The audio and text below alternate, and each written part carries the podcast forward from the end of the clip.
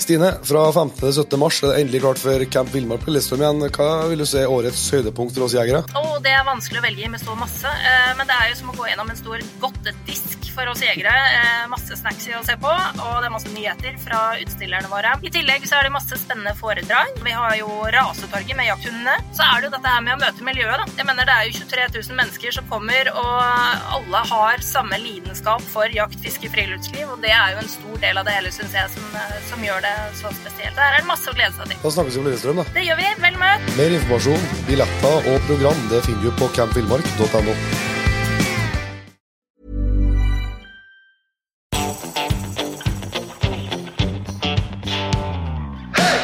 Jegerpodden, en podkast av og for jegere.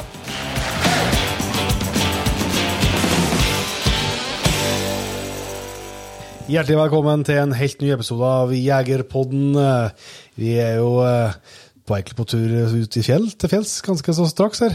Ja, vi skal vi har truffet en Magnus og Svein, og jeg gjør stadig nye opptak i serien Jegertoner. Yes, nå skal vi prøve oss på elgjakt eh, på hjemmebane, og det er klart det tjener jo litt press, da.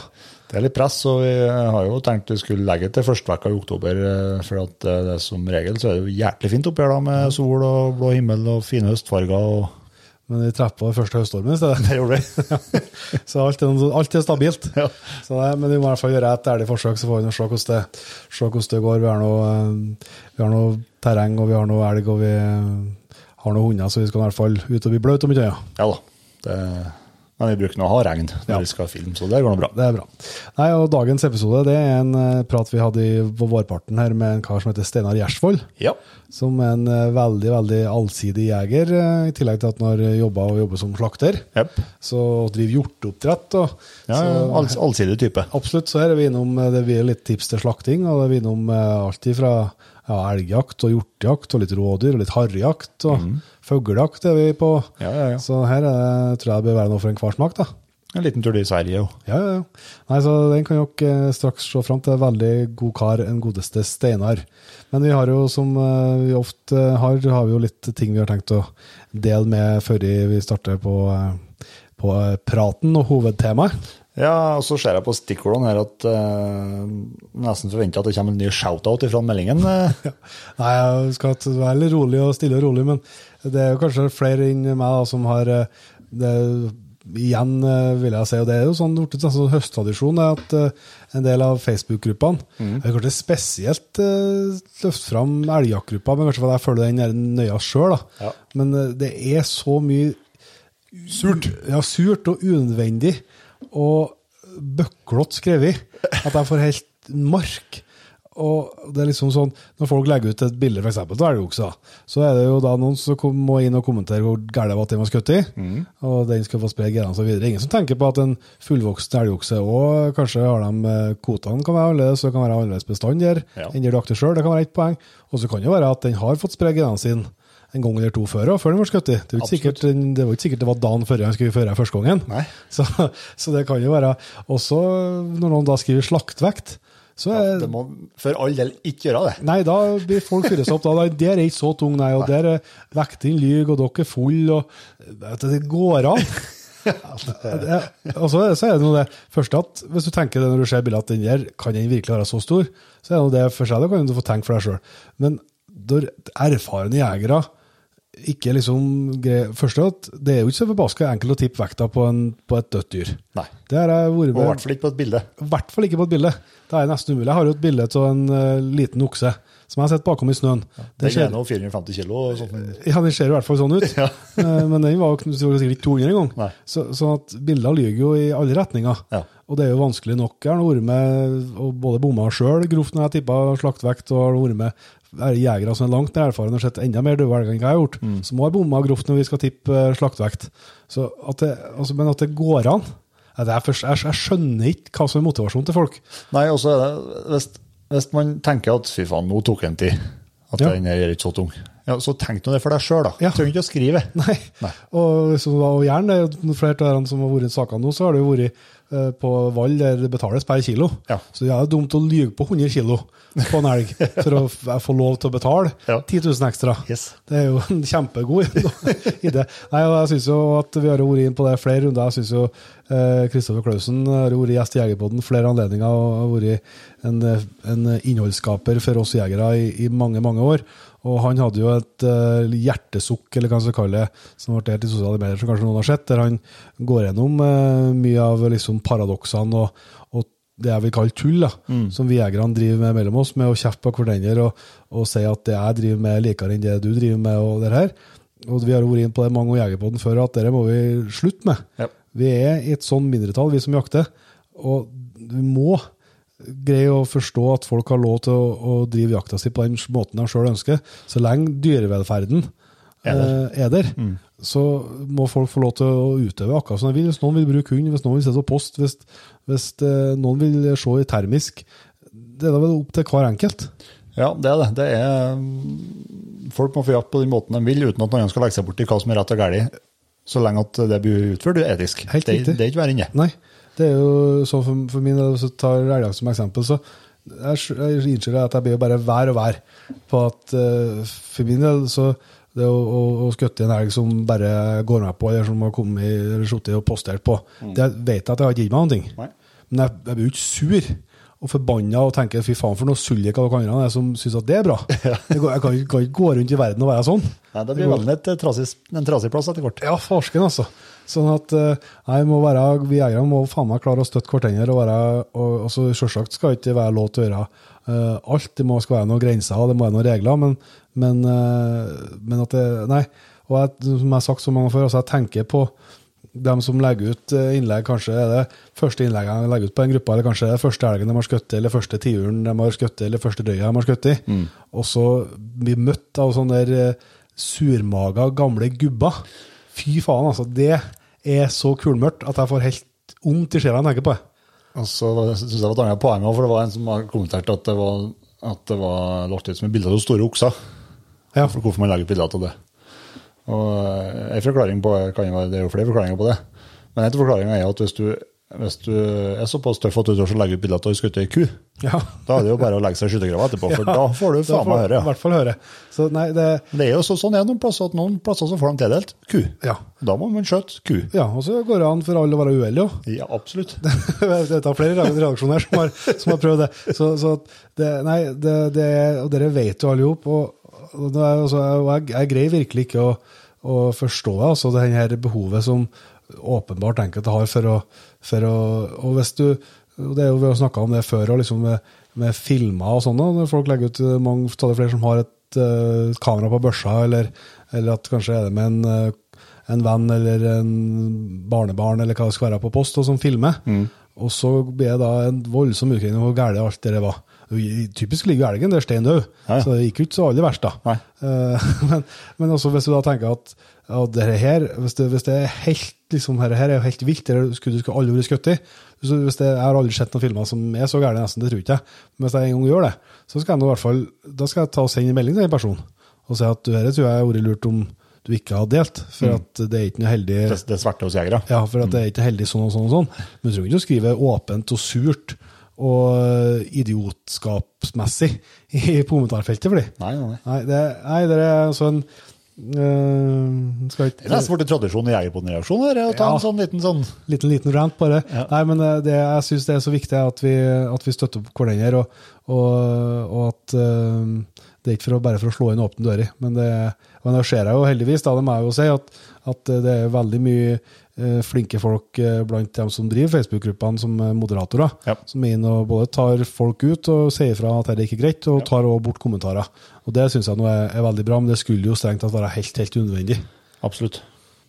Så eh, nei, vi får, eh, vi får bare fortsette å og, Men, eh, nei, men så er, så er jo, jeg, jeg, jeg er rar og jeg skjønner jo det, for at jeg, det er jo litt sånn Du bruker unødvendig mange minutter av døgnet på å sitte og lese kommentarene. Ja, jeg gjør det. Altså, hvis det vet jeg blir irritert og sur og forbanna, tenker hva er galt med og så skriver jeg jo ikke noe her, da. Så, så at, eh, men det er jo litt sånn eh, får litt sånn kløe, liksom. Hvis det ikke skjer og du må liksom inn og, inn og sjekke. Men, eh, men jeg har liksom følt ei stund på et vis at det har vært Roligere. Ja, At det, at det har blitt bedre, ja. ja, jeg har på vis følt at det, ikke, det er ikke våre sære, altså. Men at har At folk har kanskje lært litt etter hvert. Men så nå føler jeg at det har vært en sånn periode igjen, men det er jo kanskje med at, at jakta er i full gang, så at det er mye mer innhold nå enn hva det er utenfor Ja, sesong. da. Og så føler jeg jo, nå er- har vi havnet i en sånn posisjon at vi er medlem på de fleste gruppene. Jeg syns jo det har blitt likere både på rådyrjakt, i forbindelse med bukkjakt og hjortejakt og alt sånt. Men jeg, nå når elgjakta starta og, og det øka på med aktiviteten med gruppa der, da datt korthuset ned igjen, syns jeg. Nei, så nei, det er i hvert fall en klar oppfordring. Eh, Det har jeg sagt for mange år før, og det står jeg for. òg. For at eh, jeg tror ikke det er Jegerpoddens lyttere i hovedsak som driver med det her. Jeg tror det eh, kan være andre. For det, i den gruppa som heter Team Jegerpodden, yep. der jeg det, der er det, kan jeg vel Tror ikke jeg trenger ei han engang på de fire årene den gruppa har vært opp for å rekke den de gangene jeg syns det har vært kommentarer som har vært unødvendige eller utafor. Og der er det knallharde administratorer òg.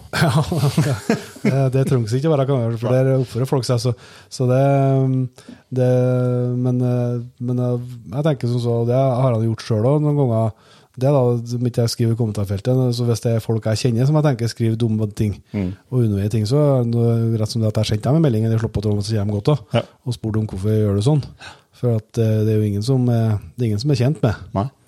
For, at, eh, for all del, det er flott å kunne lære i, på Facebook, og det dukker opp eh, ny informasjon, og folk deler erfaringene sine og sånn.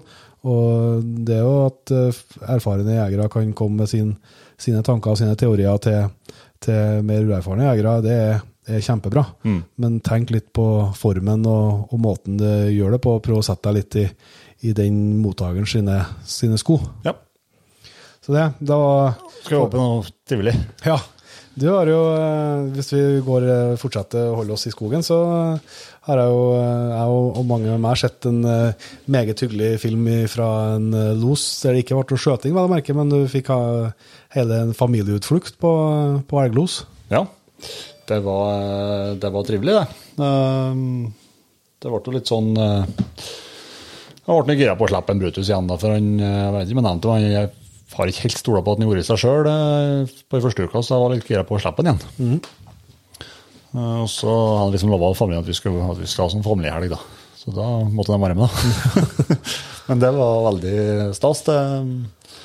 Ungene fikk være med og ta del og slippe en Brutus. Og, og um, han var seg sjøl nå, da. Ja. Så uh, gjorde to, to fine søksrunder i en runde der han var ute på, ut på 1,2 km. Og så var han bare innom oss og hilsa på og logra litt og for videre. Og tok et uttak ut på 1,6. Ja. Så eh, det var bra, det. Um, men planen min var jo bare at han skulle få springe løs, og det kryr jo ikke av elg oppi der Nei. vi var da. Eh, At vi skulle fyre bål, og det gjorde vi jo for så vidt likevel, for han, eh, han fikk et uttak, og det ble stopp etter hvert. Så når jeg så at det sto i los, da, så ble det jo bålfyring. og Ordna litt uh, pitabrød og elgkjøtt og litt forskjellig på bålet. og- Helt på avansert. ja, ja. Det er jo litt av Jeger Hansen. alt. Så gikk vi innpå etter hvert, og, og uh, jeg så jo på kartet at dette her kunne bli bra. Uh, for det var veldig tett med høydekvotene fra den retninga vi skulle til, og det sto nedi en bratt elvdal. Ja. Uh, og at eh, jeg antok at vi kanskje kom oss innpå så vi fikk se losen og greier. da. Samtidig så antok jeg at herre dette her er litt for godt til å være sant. Ja. at dette er noe mest sannsynlig ku som står her. da. Ja.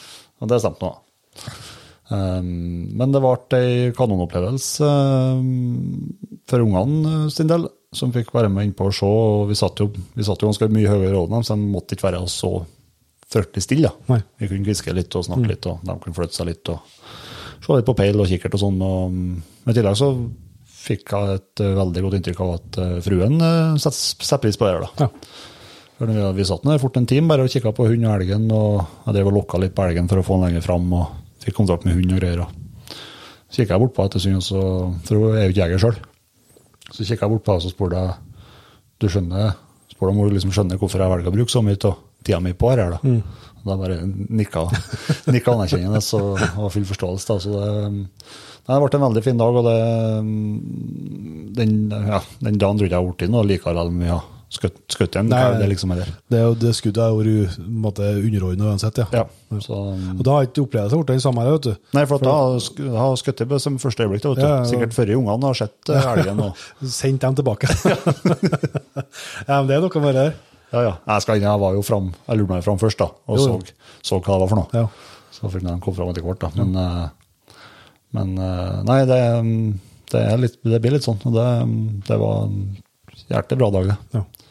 Jeg syns mest synd på en hund som, som jobba og jobba og jobba og serverte på sølvfat flere ganger uten at det smalt. men eh, men eh, vi har en sånn forvaltning at vi skal ikke skjøte ku oppi der, så da Nei, da. Det jo, vi tenker jo ofte liksom at der, hundene tenker mye og skjønner mye, men det virker ikke som de helt, det detter aldri helt ned at ku er ikke noe vits. Nei, det virker ikke sånn. men du fikk skjøt. Jeg har fått gutt igjen. Ja, var Første for uh, første for Freya. Ja. Det, var, um, det har vært opp- og nedturer, som det seg hører bør. Kan Kan først uh, ta med eh, Jegerpodens lyttere tilbake til ei uke tilbake på fredagen. Ja. For da slapp jeg av Freya. Ja. Eh, Da skulle resten av jaget jakte litt på den ene kant, og så skal jeg dra og slippe henne opp i lider. Og gjorde det. Hun er så glad og fornøyd med alt når hun får være løs, og sprang seg noen runder og noen hundre meter unna og litt sånn, og komme tilbake og la seg og sove litt i lyngen sammen med meg, og åt litt gress og pinner, og sånn, eh, sånn at du virkelig kjenner liksom varmen stige oppover nakken. Ja. Og så gjorde hun seg en uh, runde som var ganske bra, ut på en 400-500 meter kanskje, og kom tilbake igjen, og så snudde jeg bare og gjorde en enda større runde. Så var ut på en, jeg tipper en 6, i hvert 700 meter kanskje. Uh, Og da liksom vinkla hun plutselig av, og så ga peilen, og så bar seg opp i li. Og når hun kom sånn midt oppi lia der, så, så ble hun stående i ro på samme flekken. Det gikk fem minutter og ti minutter og kvarter, tenkte jeg, farsken, nå kanskje du står og kikker på elg og ikke tør seg selv, liksom. Nå begynte hun liksom å fyre meg opp litt, da, tenkte jeg, for ikke trua. Men Det var litt sånn knotete fra der jeg var til å komme meg dit hun var i rett vind.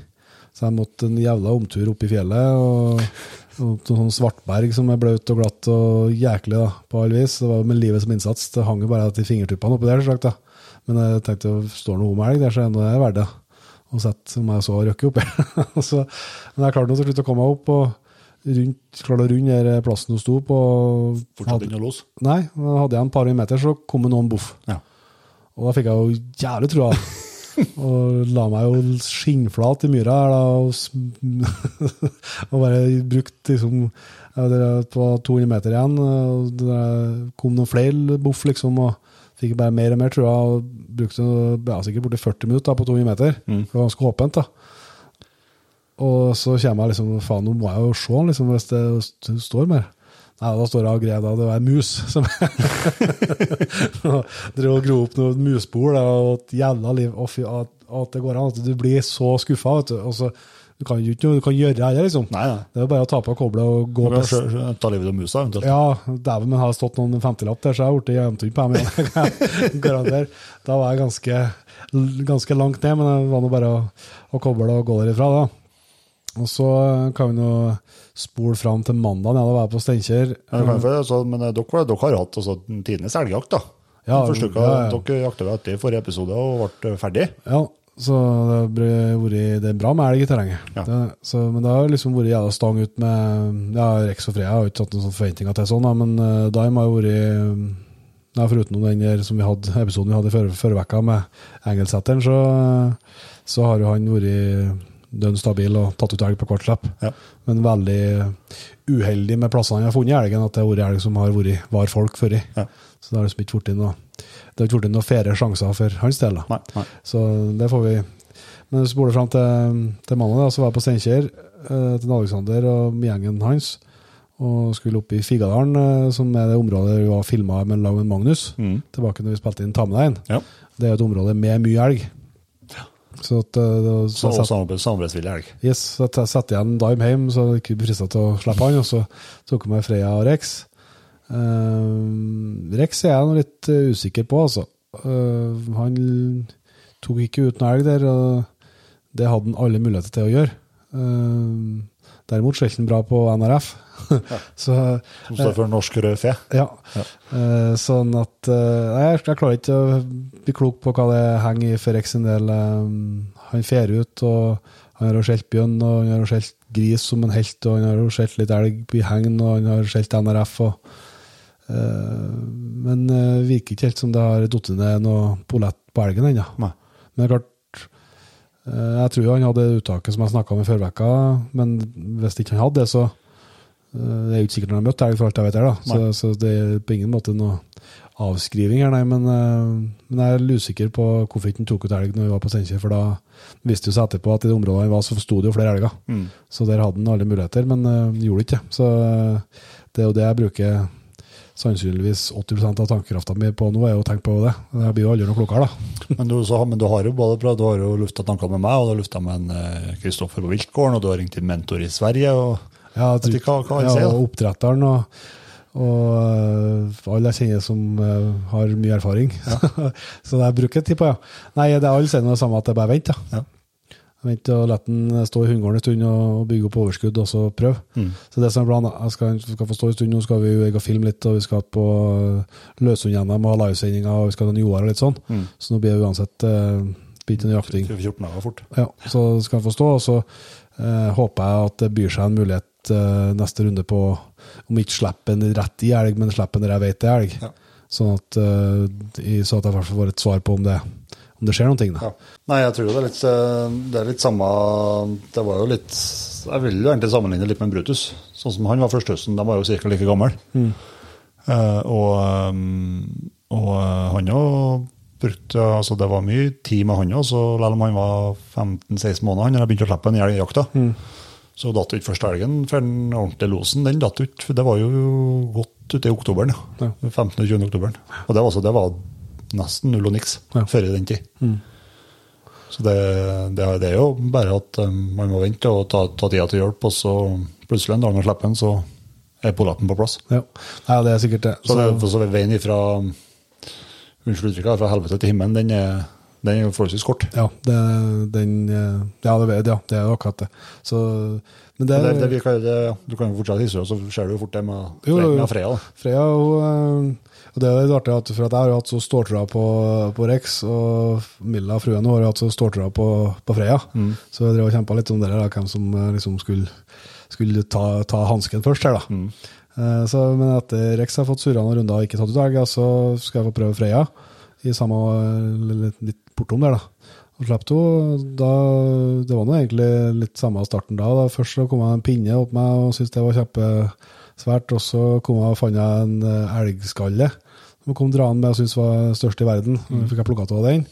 Og så gjorde hun seg en, eh, en liten runde og endte opp eh, til en post. Så fikk jeg kobla der, og så slapp jeg på nytt. Og da tok jeg ut elg. Ja. Som, han som slapp, det var ikke jeg som slapp det, det var han, han som plukka opp henne. Han så liksom at det, være, at det var tydelig å være noe. Ja. Og så slapp han og så bare etter 100 meter så ble det et uttak. da. Eh, Og noen boff i uttaket, og så bar seg i vei. Eh, Og da var vi jo enige om, eh, alle som var på jakt, at vi ikke skjøt på, på elg som sprang fra ungene. Men eh, det kom jo ned på en post, og den posten har ikke eh, fått med seg uttaket. Så han prøvde noen smelle på Det var ku med kalv som kom utover der. da. Mm. da kan jeg fortelle deg at det var en som var ganske varm i, i toppen oppe i skogen der. Ja. Da holdt det på å koke- over fullstendig. For at, altså det er jo vanskelig å se det der Vi har jo snakka med veldig mye flinke løshundjegere eh, som har hatt mye bra hunder. og det, liksom det, det er vel en av de få tingene som alle på en måte har en enighet om, at det er veldig ugunstig å skjøte første helgen. På jag. På jag. Nå skulle riktignok skal hun ha, det var ikke, hun skjelte ikke sporet. Nei. Så hun var stille, så det var ikke et rent jag sånn, men, men hun sprang nå bare etter, i hvert fall. Ja. Eh, men eh, det fortsetter nå. Eh, og det kom på en, eh, enda en eh, post som de bare måtte eh, hadde vel ikke noen god sjanse, man måtte følge opp det ettersom det var påskutt i. Eh, og så fortsatte der. Og, men Freya hang det på sporet, og ikke så langt etter det så ble det jo stopp. Storo en stund. Eh, da var han usikker, da var han på tur dit, om elgen lå der, eller, eh, eller om hun satt hun bare var lam inn, eller hvordan det var. Men så plutselig begynte hun å skjelle. Ja. Og um, da måtte jeg gjøre en bra krok rundt for å komme inn i rett vind, og, og bare skjelte mer og mer og mer. Ja.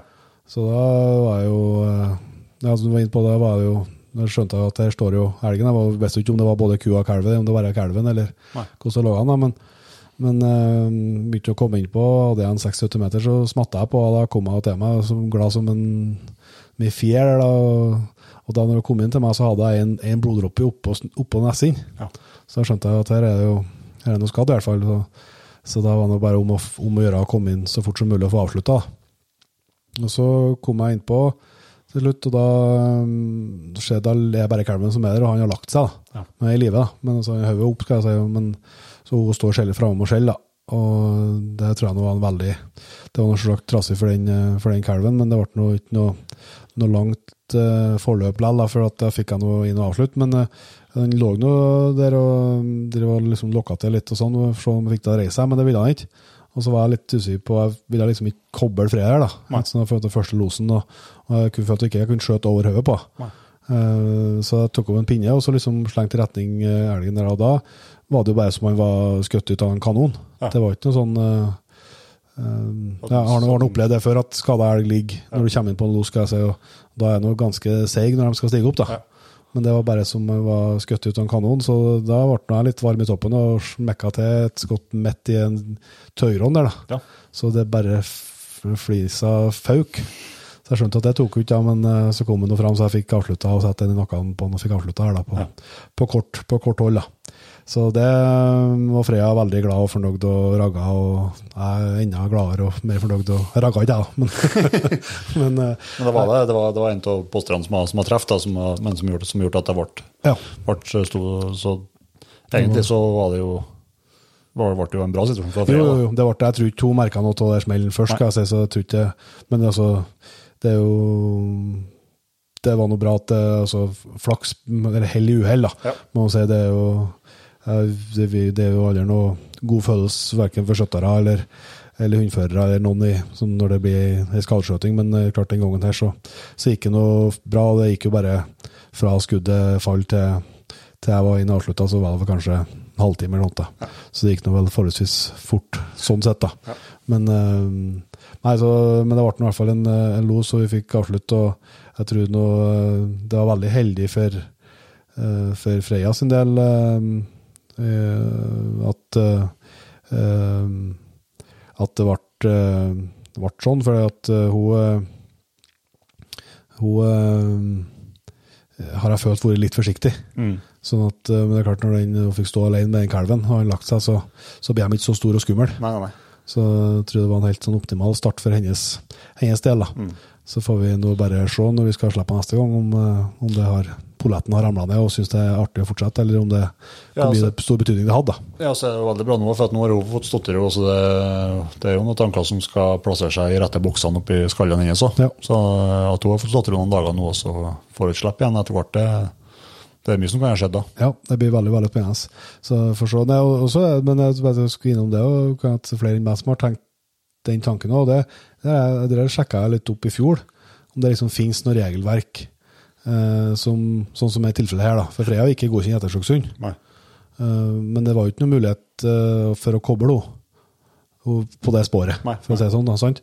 Eh, og i og med at eh, det i elgen ikke blir liggende så er det jo strengt tatt et ettersøk. Og kan egentlig skulle, hvordan egentlig skulle forholde seg den gangen. da. Ja. Et sånt tilfelle. Det, er- det snakka jeg om med en, eh, Pål eh, Jensen, vår, vår jus, eh, jus jusalibi i Jegerpodden. Ja. Og han og sjekka litt i fjor. Han liksom klarte ikke å finne noe sånn at det omfatta noen sånn direkte av noen regler, i hvert fall. da. Men, eh, men jeg tenkte som så i et sånt tilfelle at jeg hadde jo, Rex er jo, etter, er jo godkjent. Så at, eh, sånn at da er det på et vis jeg som har ettersøket. Og at jeg har rett til å tenke at eh, det beste nå er at den hunden som er på plassen, er der fram til altså, Ja, ja. Hadde det da blitt stygt ja. når jeg kom inn på losen, eller sånt, så kanskje jeg, da kanskje vi måtte bytta til noe mer rutinert. Ja. Um, men uh, Nei, jeg vet ikke. Men det, det gikk nå i hvert fall uh, heldigvis uh, bra, og, og en stor, stor dag for, for Freya og for dem som har Freya i hus, for å si det sånn. Så det var artig. Da stakk Milla med første, første stikka. Ja, det er jo alt, så det er både det og at uh, først høststormen kommer når vi skulle filme, det er alltid stabilt. alt det som det bruker å være. Alt, det- alt, går ikke, alt, er ingenting som går din vei. Niks. Det er sånn det skal være. Så det er bra. Nei, men vi skal Nå har vi jo sittet Klokka går jo, ser jeg. Det er jo ikke eh, eh, herre folk vil gjøre, det er jo sikkert en eh, Steinar. Vi satser på det. Så vi må sette over til han. Men uh, før vi gjør det, så husk på eh, neste uke, uh, onsdag og torsdag, 12. og 13. Yes, Da er det NM Løshund, og vi er så heldige at vi får lov til å dit og vi har nevnt før, og dit og ha ei livesending begge dagene. Eh, Det skal sendes eh, på Facebook og på YouTube, men i tillegg kan du få se den på TV-en din hvis du har Naturkanal 1. Ja. Så kommer den, eh, kommer den der, og vi skal ha studio, planene begynner å være klare nå med mye dyktige gjester, og forhåpentligvis også veldig mye deltakere etter hvert som de kommer inn fra skogen. En del tidligere gjester i Jegerboden òg. Yes, som er både deltakere og dommere. Så eh, det er jo litt sånn pilotprosjekt eh, både for oss og for, eh, for Elghund-Norge, skal jeg si, og, og for Naturkanalen vår å gjøre det der. Så, så jeg håper at vi klarer å lande sånn noenlunde på fotene i hvert fall, og, og få til noe som blir, blir artig å følge med på. Absolutt. Men da setter vi over til Steinar. Da har vi gleden av å ønske Steinar Gjersvold hjertelig velkommen til Jegerpodden. Takk for det. Ja, og for det. takk for at vi fikk lov til å komme en sen søndagskveld. Da. Ja, nei, det var nå bare trivelig, det. Ja. Ja, det er trivelig, ja. Vi skal snakke om eh, mye forskjellig, tror jeg. Du har jo en eh, allsidig jeger, som har holdt på i lang tid med mye forskjellig. Og både jakt og, og slakt, skal jeg si. Men uh, før vi går over på det, Steinar, så kan du starte med å fortelle litt om deg sjøl. Ja. Eh, nå er 60 år, da bor nå i Lundadalen her. eh, jeg har tre sønner. Eh, gift med Reidun Marit Gjersvold, da. Ja. Og eh, vi har nå vel vært gift i ja, 36-37 år, tror jeg snart. Ja. Eh, vi har nå et litt eh, aktivt liv, da, både med, både med jakt og likeens friluftsliv. Da. ja. Så Og har vel eh, hatt veldig mye med jakta ute generelt ute i Lundalen her og gjort. da. ja. Både med solgt kort og, og jakta mye sjøl. Ja, for dere har jo en, noe virkelig fine terreng å holde på i her, da. Ja da, vi har det. Det er bratt i eh, starten i dalen her, men eh, når en kommer innpå, så er det litt eh, flatere og finere terreng. da. Ja.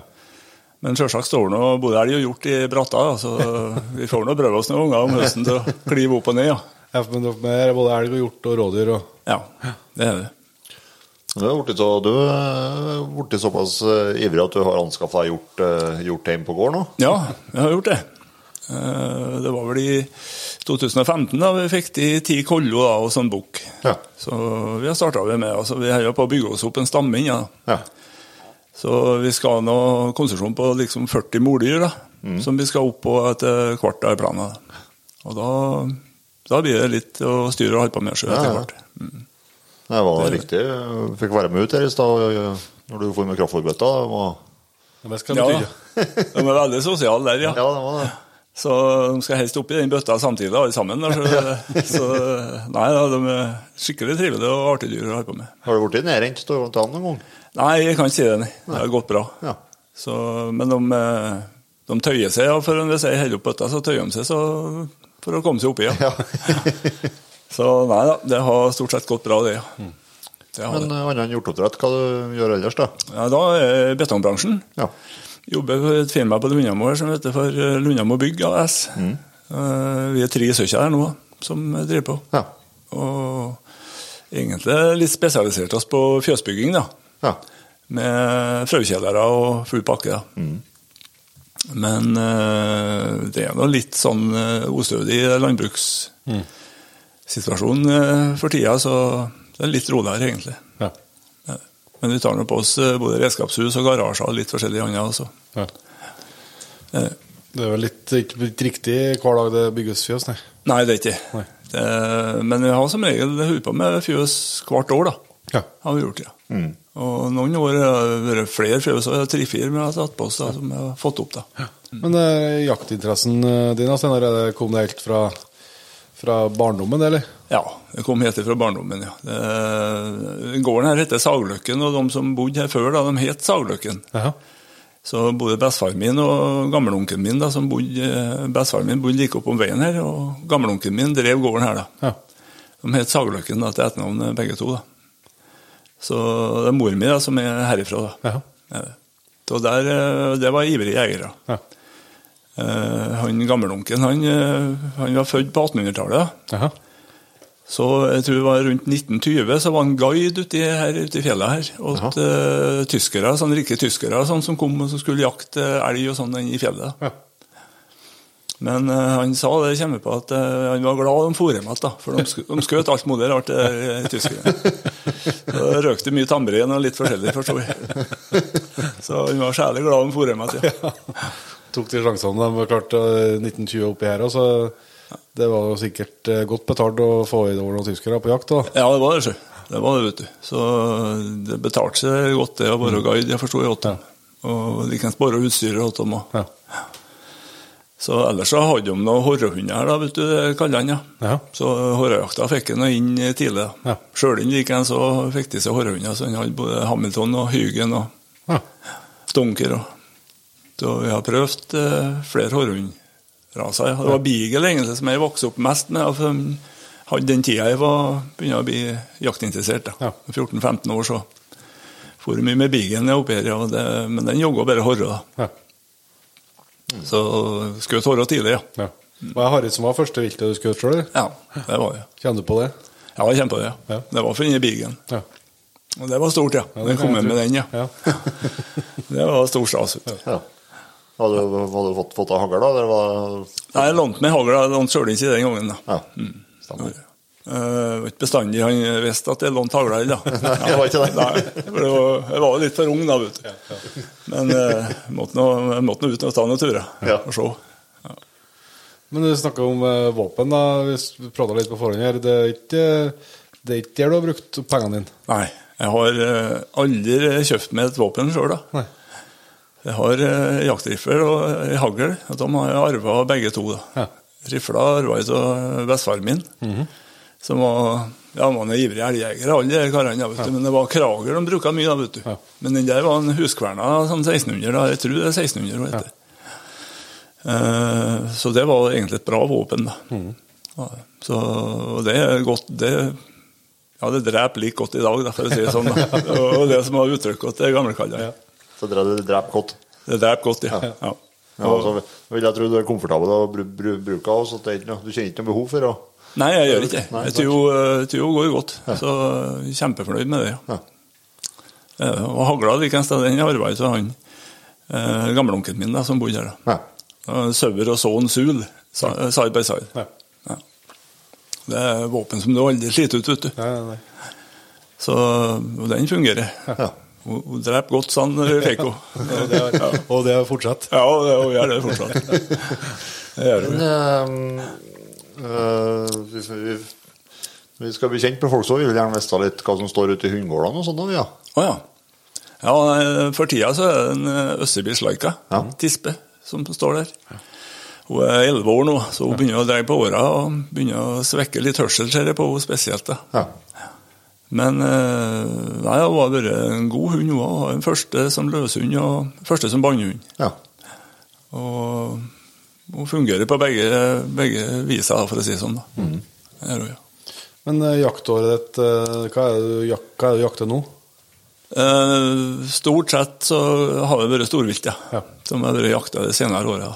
Men så er jeg med ut og, på horrejakt og rovdyrjakt òg. Ja. For guttungene har noen hunder om vet du, som både drever og, og Så er de med dem mye. Ja. Så da begynner du Men er det, det, er det like, like mye hjort som det elg, eller er det mer elg? Det er mer elg, ja. Inna, ja. Det er det. Så vi er på terrenget vårt, da, som er på Ja, vi jakter på ca. 40 000 mål. Og der har vi en eh, 19 elger, da. Ja. Vi tar ut, da. Og så har vi en 15 hjort da, samtidig samtidig på det terrenget. da. Men satser dere eh, på hjortejakta? Altså, jakter dere forskjellig på vis, eller skjøter dere de hjortene som kommer under elgjakta på vis? Ja, vi skyter de hjortene som kommer under elgjakta, da. For det kommer mange av dem som kommer i drev. da. Ja. Men ellers så jakter vi mye på innmark da, på hjort òg. Ja. Så vi har noen jakthorn stående på innmark ute i åkerkantene og sånt som vi bruker da både først i september, eh, første dagene i september og likeens på slutten. da. Ja. Er vi. Så vi skyter en del på det viset. ja. Ja. Men så er det, det, det jo litt sånn brøljakt oppi her òg? Ja. Det var spesielt før, da, da det var sånn skikkelig ansamling til hjort her. da. Ja. Vi hadde det en periode. Og, Ja, for da kom det kom plutselig veldig mye hjort og nesten tok over, skal jeg si. Ja, jeg gjorde det. De tok over. Eh, Det var en som drev og fôra med rundball. Ja. Vinterfôra. Og da ble det voldsomt til ansamling. Vi regna vel opp i en 120 her om vinteren. vintrene. Ja. Eh, og da var det mye store bukker som sto og brøla inne i terrenget vårt. da. Du hører jo seks, sju, åtte, eh, hjortbukker som sto og brøla samtidig inni her. vet du. Ja. Og da gikk det utover elgen, da. Ja, for han trekk- ut, han, ja. Ja, han trekk ut. Så han sto på naboterrenga. Så de eh, faktisk så søkte de om eh, tilleggsdyr da, på naboterrenga. Ja, for det ble merkbart mer til dem, ja. ja Det vært merkbart mye bedre elg til dem.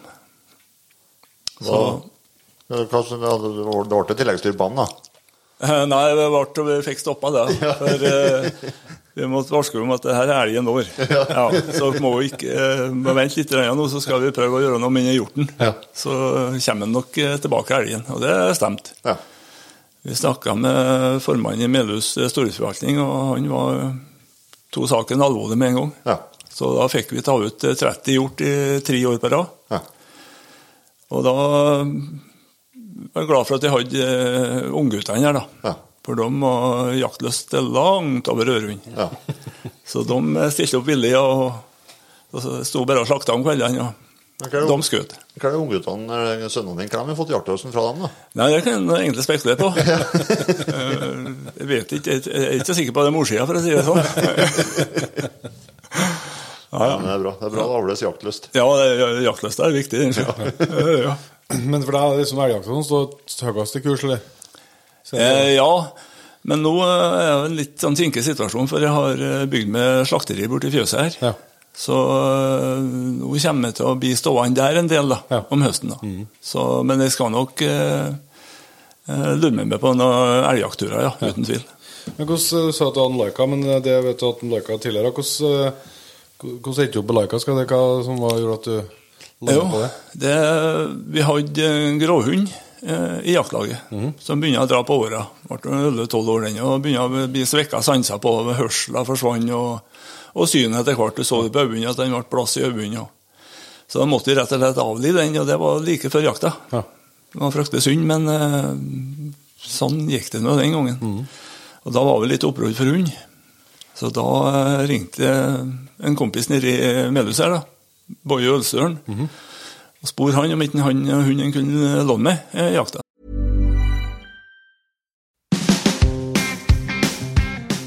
Enten 17. mars Stine, så er det endelig klart for eh, Camp Villmark på Lillestrøm igjen. Eh, Hva er de tre tingene du gleder deg mest til? Og det er så masse. Eh, vi har bl.a.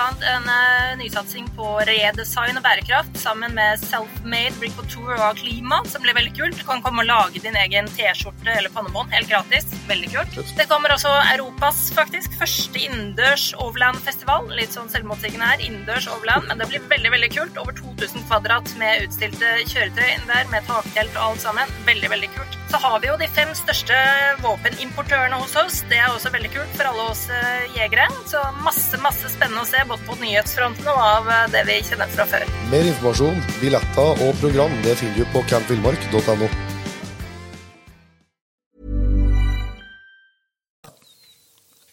Uh, jo, det er han, sånn. Og da kom han med Leica-tispa. Ja. Eh, hun var vel uh, ja, litt i underkant av to år da jeg fikk det jo. da. Ja. Og hun fungerte godt. sånn, eh, Det var for lite søk på, på til løshund, sånn som han ville ha henne. Ja. Men hos meg så fungerte hun helt perfekt, da, for eh, jeg skjøt jo elg både som eh, løshund og, og som bannhund den første høsten vi brukte henne. ja. Så det ble, ble igjen her, du, da? Ja, det ble det her. Ja. Det var jeg ville ikke ha henne sånn. Bare ta henne, du. Det var, det var tilfeldig at det var Laika, da. Ja, det var helt tilfeldig. Ja. Det var det. Og da ble jeg egentlig ganske forelska i rasen, altså, for hun var veldig snill og, og, og mild hund. Ja. Ja. Så, så hun ble jeg glad i. Ja. Og jeg forstod at det var veldig bra som bannhund spesielt, da. Ja, det var det, sjø. For hun, eh, når hun skulle stille inn på elgen og sånt, da, eh, som bannhund, så begynner hun å smyge ja. på innplastinga. Smøg og sto og lytta og kikka og væra og bare smøg helt rolig. Helt til hun peka på elgen opp med, og da var det bare å ta ned geværet. Ja. Eh, hvis elgen ikke hadde oppdaga oss da, før eh, vi kom inn på det. Ja. når, hun smøg, smør, så, så, da, da tar liksom ned litt i kroppen? Ja, hun sokner i kroppen og bare smøg fremover sånn helt sånn rolig. Lett, og, lett å lese, da. Ja, fryktelig lett også. Ja. Og etter hvert da, så smø, gikk hun bak meg og stilte seg når uh, Tone Gjevera. Ja. For uh, skjøt over uh, ørene på henne en gang eller to, og det, det glemte ikke hun. Nei. Nei, Så ville hun gjemme gjem- seg unna litt. Ja, da. så da trykte hun unna bak eh, ryggen på meg. Da Det litt lettvint. Ja, helt supert. Ja. Helt supert. Men så den du, den, den du har eh, ut her nå, da, er det noe Ja, det er et avkom av hun eh, Karma da, som vi hadde. Ja. Men hun, er- hun er en helt annen type. da. Hun er mye tøffere og hardere og, og kvassere, da, kan du si, på alle sett og vis. Ja. Så hun Som sagt så har jeg både den første på Hoa, på løshund og, og som bannhund. Ja. Ja. Men eh, Men eh, jeg bruker henne helst som bannhund. Ja. Ja. For hun er litt for tøff og hard med elgen. Ty. ja. Da, ja, da liker jeg ikke bare å bruke henne som bannhund i Ja, stedet. det er det. Ja. det. er det. Ja, og så er, og så er dere et ganske stort jaktlag med, med en del folk. Og, Ja, det er det, vet du. Og da er jeg ikke så egna med løshunder, rett og slett. Nei. Så jeg liker bannhundjakta godt. da. Ja. Har vært bannhunddommer òg på eh, en del år, da. Ja. Siste året har jeg ikke dømt noe ennå, men eh, det er jo av at det mangler noe kurs og forskjellig for oppsettet der. da. Så passer det veldig dårlig med hjorteoppdrettet med temaer. da. ja. Ja, for da blir det travelt på sommerstid. Ja, det blir det, sjø. Og bannhundprøvene går på sommerstid, så Men når du, når du driver med, med bannhund her, da, det både elg og hjort, ser, ser du på hund? Hva er, liksom, er det noe forskjell på, på å komme inn på her og så bruke hund i bånd, selvfølgelig? Jo da, det merker litt forskjell ja, på om det er gjort, ja. Ja.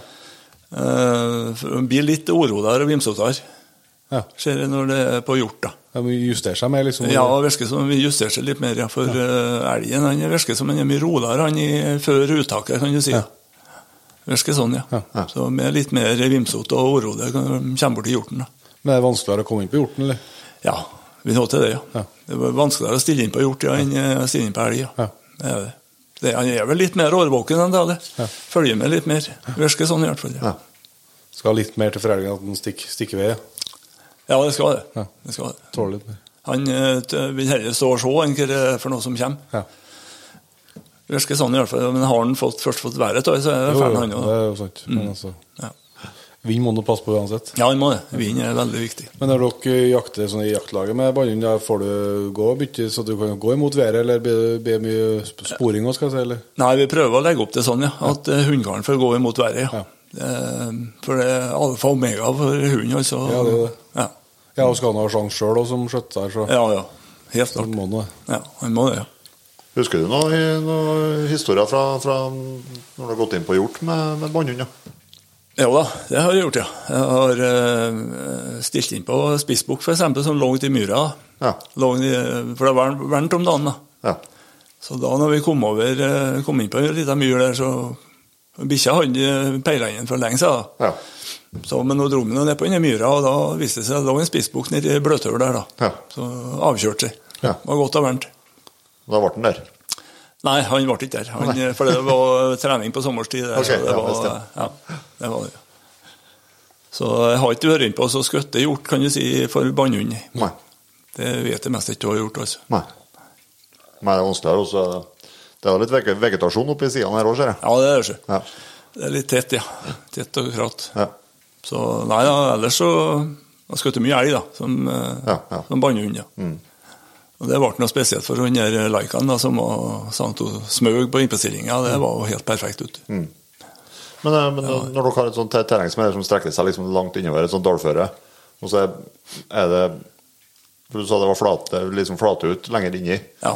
Hjorten vil gjerne holde litt framme her hvor det er brattere, eller? Ja da, det er mest fremme i bratta her, ja. Ja. Det er det altså. Men vi har eh, gjort lenger ut òg, ja. Ja.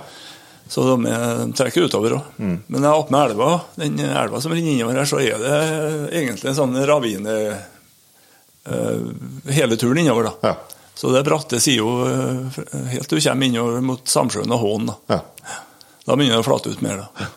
Men skjer dere av lia liksom og, og setter på, har påstrekk i Skjer av lia da, og så holder på et område det er oppe i brattene her, da? eller? Ja, vi jogger som de vil opp. Når vi først eh, løser dem, så vil de opp, som regel. Og opp, opp daler som går opp og sånn, så vi posterer på sånne plasser mye. Ja, og så opp på fjellet, liksom? Ja. De drar opp i hvert fall. Ja, det er Det er et ganske kjent, det er et kjent uttrykk i jeger- jegerbonden, det. Ja, ja, den skal helst oppover. Ja, skal oppover. Ja. Nei, det er sikkert, ja. Men du, snakka om en eh, spesiell elg som eh, et ettersøk på et vis ble på en, en elg med et rart spor. Ja, stemmer det. Eh, Det er en del år siden det der, da. Det eh, var sist på oktober, eh, sist i jakta. Det var nok kanskje den siste jakta nå, tror jeg det var, ja. Det var kommet snø uti her, så det var veldig fine sporingsforhold. Ja. Jeg kom inn på et spor etter et enkelt singeldyr, da, som var det var litt rart, for det var alle som det var noe som var ute i snøen og, og vispa. Ordna merker i snøen. Ja. På sida av sporet, liksom? På sida av sporet, ja. Og det var en postjeger som skimta det dyret. Han sa at det halta voldsomt. da. Så vi skjønte jo det etter hvert at det var eh, Det måtte være brudd til en fot. da. Så en fot som bare hang og slang. da. Eh, men eh, hun lurte seg unna og smatt unna og kryssa den lundasokna inn her og for over på naboterrenget. Og, og det belgsnødde. Det fortsatte å snø og snø og snø. Varskudde viltnemnda om at eh, det var et skadedyr ute her. De var ute og prøvde, tror jeg, men eh, de fant ikke sporene, og det var vanskelige forhold. Eh, året etterpå, på omtrentlig samme plassen, så treffer vi på et dyr etter, som, som er rare spor etter. Ja. Og det viser seg to dyr. da. Og han som sitter på post, han sier at det ene dyret halter noe voldsomt. Han skimta det denne gangen og var var omtrentlig på samme posten, tror jeg. Og da hang vi det bare på, for det der måtte vi jo prøve å få skutt. Ja. Etter hvert så ble det ene dyret skutt, det var jo en kalv. da. Ja. Så hadde en kalv da, rett og slett inni eh, kua. da. Ja. Og eh, så satte vi posten eh, Fikk vi en av postene til å kjøre rundt oss nede i bekken, da, elva. Ja. Og der var det sånne dype hvaler, vet du, bredt og, og langt. da. Og der kom hun sjølsagt, ja. Så hun ble skutt uti der, da. Ja. Og da var det liksom eh, gode råd dyre, ja, hvem som skulle uti og få til inn der. så da jeg var god og varm og svett, og så var det bare én ting å gjøre. Det var nå bare å holde seg til bokseren og hoppe uti. Ja. Bet på seg et tau. Det er jo ikke, en bekk vi snakker om her. eller? Nei da, det er stor elv, ja. Vi, vi elv, altså. Og oktober. Og oktober. Så det var ikke Det noe værmaten, nei. Nei. Men Så jeg fikk ned temperaturen ganske fort, ja. Så uh, svømte han utåt to og fikk bøtte på tau rundt hersen på henne, som uh, var inne til land og fikk begynne å drogge henne inn. Ja. Men er klart det var nå to mann der, da, vet du. Ja. han var nå ganske ufør, han som hadde skutt henne der. da. Ja. Så da var, dro vi opp så mye som vi klarte, og fikk nå så vidt hodet opp. Og da, så var det bare uti og begynne å prøve å vomme ut. da. Bokser og Ut, ut i elva. ut i elva. Og da ble det noe rødt alt rundt igjen til slutt, da, vet du. Så det var visst artig at han som eh, satt og kikka på, ja. Lå under myra og flira, vet du. Det der er kompis. Ja, det er kompis. Ja. Nei da, det, det fikk hun, det. han. Fikk noe berga henne. Men hvordan så, så foten ut da? Jo, det var lukka seg. Rundt benet var leddet frem i kneleddet på fremfoten da, som var røkket. Ja. Og det hadde lukka seg igjen med, med skinn over. Ja. Og faktisk begynner å bli vokse hår overalt igjen. da. Og også Så- fått fram kalv òg, helt Ja, og en kalv hadde jo fått frem. Ja. Så han var ikke noe spesielt liten ennå, han. Altså, det var en normal kalv. Ja, så rett og slett læ- lært å, lært å eh, ta seg fram med, Ja. på, stumpe, på stumpen nå, da. Hun har klart å tisse frem på stumpen, ja. Ja. Så sto han opp på kne den dagen uh, oksen ekspederte, og det vil jeg tro. Ja. Men, ja, men du vet ikke hva han var påkjørt eller annet sånt? Ja, det kunne godt hende at hun har vært frem med en bil. Enten så er det en del stenrøse og forskjellig ute der, så ja. kan, eh, kan, de kan bryte av føttene på andre vis. Ja, Ja. ja. Men eh, et eller annet har skjedd i hvert fall med henne. Ja, de er jo- helt utrolig hard- hardføre, altså. Ja, de er hardføre, ja. Skikkelig hardføre. Det er de. Så har, eh, hun var ikke noe spesielt mager eller annet enn den eh, bogen, den fremfoten. da. Der eh, var det lite muskulatur. da. Ja. Så ellers så var hun i god hold. ja. Ja. Det var hun. Um, du nevnte det med, med harahunder. Uh, det har vært en uh, vært med hele, hele livet ditt. Ja. Det store livet ditt. da. Det har vært det. Så jeg ordna tidlig så at jeg ble eh, dommer på forhånd. Ja, Ja, jeg så dommer der, ja Ja, prøvedommer. Ja. Ja. Mm. Så eh, det har vært en lidenskap ja, hele tida. Ja. Det har det. Så jeg hadde flere hunder sjøl, og er en finstøver blant annet. Og, og han eh, Den eh, var i vinterferietida til guttungene. Ja. Det var sist uke på februar. Da var han sju måneder, der finstøverhannen, og da var vi ute på hytta. Og da jogga han som en gud, vet du. Ja. Så vi skjøt to horer for han den eh, uka oppe her, da. Ja. Guttungene var med, og det var stor stas, ja. Så han ble bra, den eh, Ja, han ble bra, men eh, han var Vi lytta ikke helt på han, så han ble ikke så gammel, da. Fikk ikke vært med så lenge. Men han var litt Ja, han var litt stri. Ja. Så han bet meg til handa til slutt, og da var det slutt, ja. Det var det siste han gjorde. Ja. Hvordan hvordan andre hunder har du hatt i tillegg til finstøvelen? da? Jeg hadde flere drevere, Ja. og, og så har jeg hatt mye fuglehunder. Flere fuglehunder. Men de dreverne, du har hatt- brukt dem både på harry og, og hjort? Ja. De har brukt Rådyr, både på hare, rådyr og hjort, ja. Ja. Men har du, hvordan har du gjort det? Har du jaga inn dem på harry først, da, eller? Ja. Jaga inn dem på hare, ja. Spesifikk og det. For eh, og den tispa som jeg hadde, hun skulle gå jaktprøver med, var fast bestemt på. Ja. Så hun uh, jaga han kun på hare, og hun jogga kun hare Ja. i starten. Ja. Så tok alle jaktprøvene ja, på hare med henne. Ja, for det gikk jo Det var jo s- litt to- storhund, jeg skal si. Det gikk jo veldig bra med landskamper og forskjellig. Ja, det gjorde det. Jeg var med på landskamp, ja, men da hadde jeg allerede begynt å jakte litt rådyr med henne. Ja. Så da var hun helt på rådyr begynte å bli. da. Ja. Men da var vi med Orsa i Sverige, Ja. på en landskamp der de Norge og Sverige drev i ringene. Ja. Og det var en skikkelig artig helg, ja. For vi for nå ut og slapp. Det var en eh, gammel dommer fra Bolange som var med og skulle dømme. Ja. Og det måtte bare være på slaget klokken åtte. Ja. Skulle slippe. Så vi sto nå ute der, jeg hadde noen bikkjer i kobber, da. Og da så jeg på henne at uh, hun hadde klart Hun visste hva det var vilt igjen, så jeg. Ja. Hun sto og væra inne i plantfeltet der, så hun hadde fullstendig klart, ja. så når dommeren sa at eh, nå kan du slippe, da kobla jeg av. Da var jeg rett inn i plantfeltet og los med en gang. Og kommer med håret rett over frem om føttene på oss. Så det, den hadde jo klart, det. Den hadde jo på overvær 4,8. Ja. Så da gikk det nå inn til full tid det på haren, da. Ja. Så flytta vi oss litt, og så tok hun ut eh, rå, da. rågeit med killing litt lenger ned der. Og det er jo riktignok til full tid. Så setter vi oss inn i bilen, så kjører vi litt, og så slipper vi en ny runde. Og da tok hun ut en uh, Ja. som hun holdt på med ganske lenge, da, for, eh, for da var det var liksom det siste vi skulle gjøre om dagen. Ja. Så da eh, bukken eh, kjempa, han kom eh, stilte seg rett framme oss, vi sto eh, under ei sånn høyspentgate, Ja. han dommeren. Ja. Bukken kom springende oppover mot oss, og sto bare ja, fem meter ifra oss, Det er ja. Med kjeften åpen og pesa. Ja. Og Vi sto bare helt rolig, vi, og den bare fortsatte, han, og bikkja kom nå, og da kunne han koble, henne, for da var han ferdig. Ja. Og da sa han, eh, dommeren at eh, den der tikkeren, den er en jaktmaskin. sa han, dommeren. Så det var artig, ja. Vi vant jo den prøven, og så fikk vi oss mye, mye premier hjem. ja. Tøft. Artigere å kjøre med, da. Ja, det blir det. Det blir ikke like langt hjem, nei. Nei, det blir ikke det.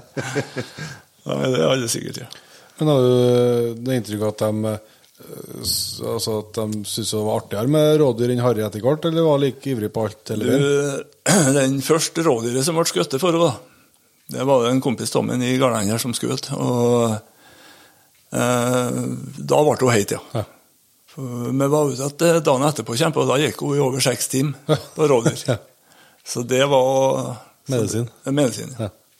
Det var det. Men etter det er hun jogg og horre, så det susa etter. etter det. etter.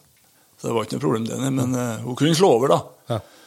På rådyr, da, hvis, hun, eh, hvis det, hun kom bort til rådyr mens hun jogga og horre. Ja.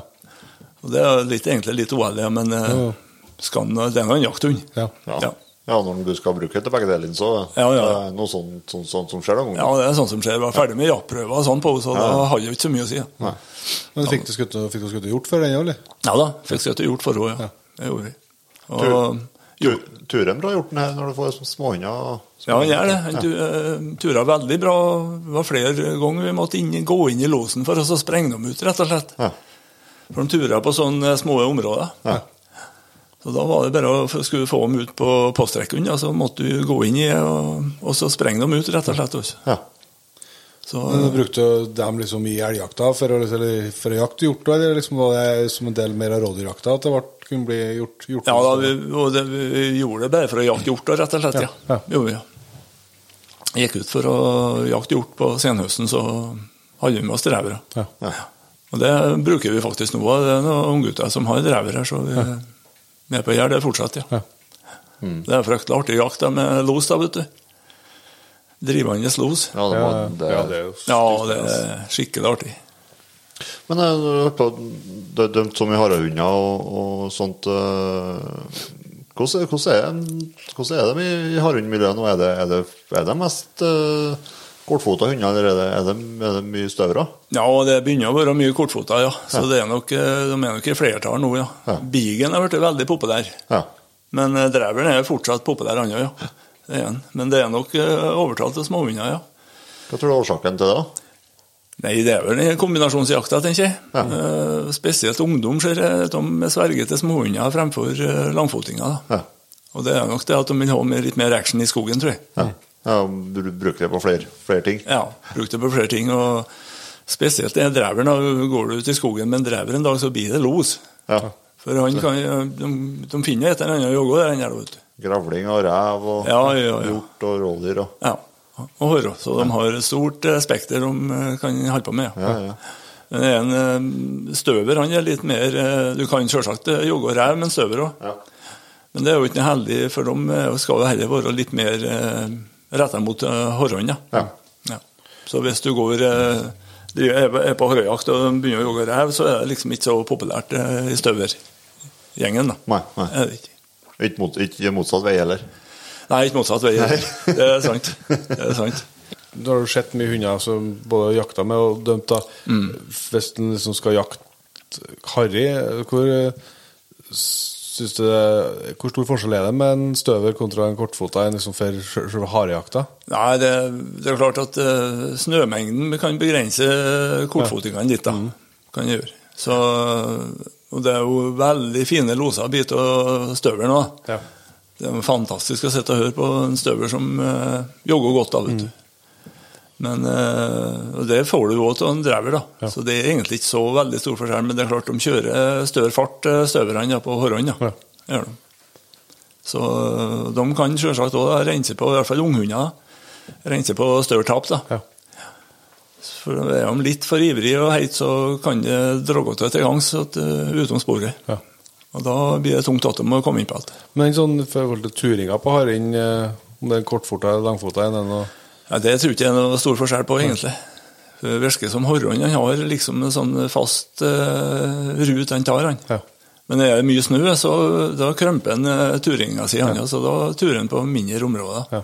ja, for det virker litt sånn på hvert fall på, på reven så virker det stor forskjell på farta på, på hund. Altså hvor, hvor godt den turer. Ja. Når det er stor fart, så er det fort at den springer inn. Ja. og, og likeens på, ja, på hjorten og rådyrene. også, Det er jo ikke, noe minus at det går sakte. Nei, det er ikke noe minus enig. Det er sant. Så, for da får du mye rettere skuddsjanser, egentlig. Ja. Både på rev og likeens på hår og det. Så det, det er ikke noe med at det er for stor fart, nei. Nei. Det er det ikke. Når du holder på med harrejakta, er sånn, du er dommer, sitter du med klokka og venter og lar haren springe forbi bålet flere runder før du Ja da. begynner å skjøte, eller? Det, det gjør vi, ja. Vi, og det, det er ikke bestandig å ha med geværet ute heller. Nei, du. nei, Nei, Bare sitte og lytte på losen. Ja. For den, eh, det er jo ikke en los som er lik en selv, du, for det varierer jo mye både på føre, vitring og alt. vet du. Ja. Så alle er like ens. nei. Nei. Så det, nei, det er rett og slett sjelden at det er med, er med hagl ut. da. Ja, For det er hvis det er unghund, ja. Da kan det være litt artig å skyte en horre for dem. da. Men ellers så lever han da ikke av bare horror, vet du, så han kan ikke ha på å skyte hele tida. Men hva er, hva er en god harrehund for deg? da?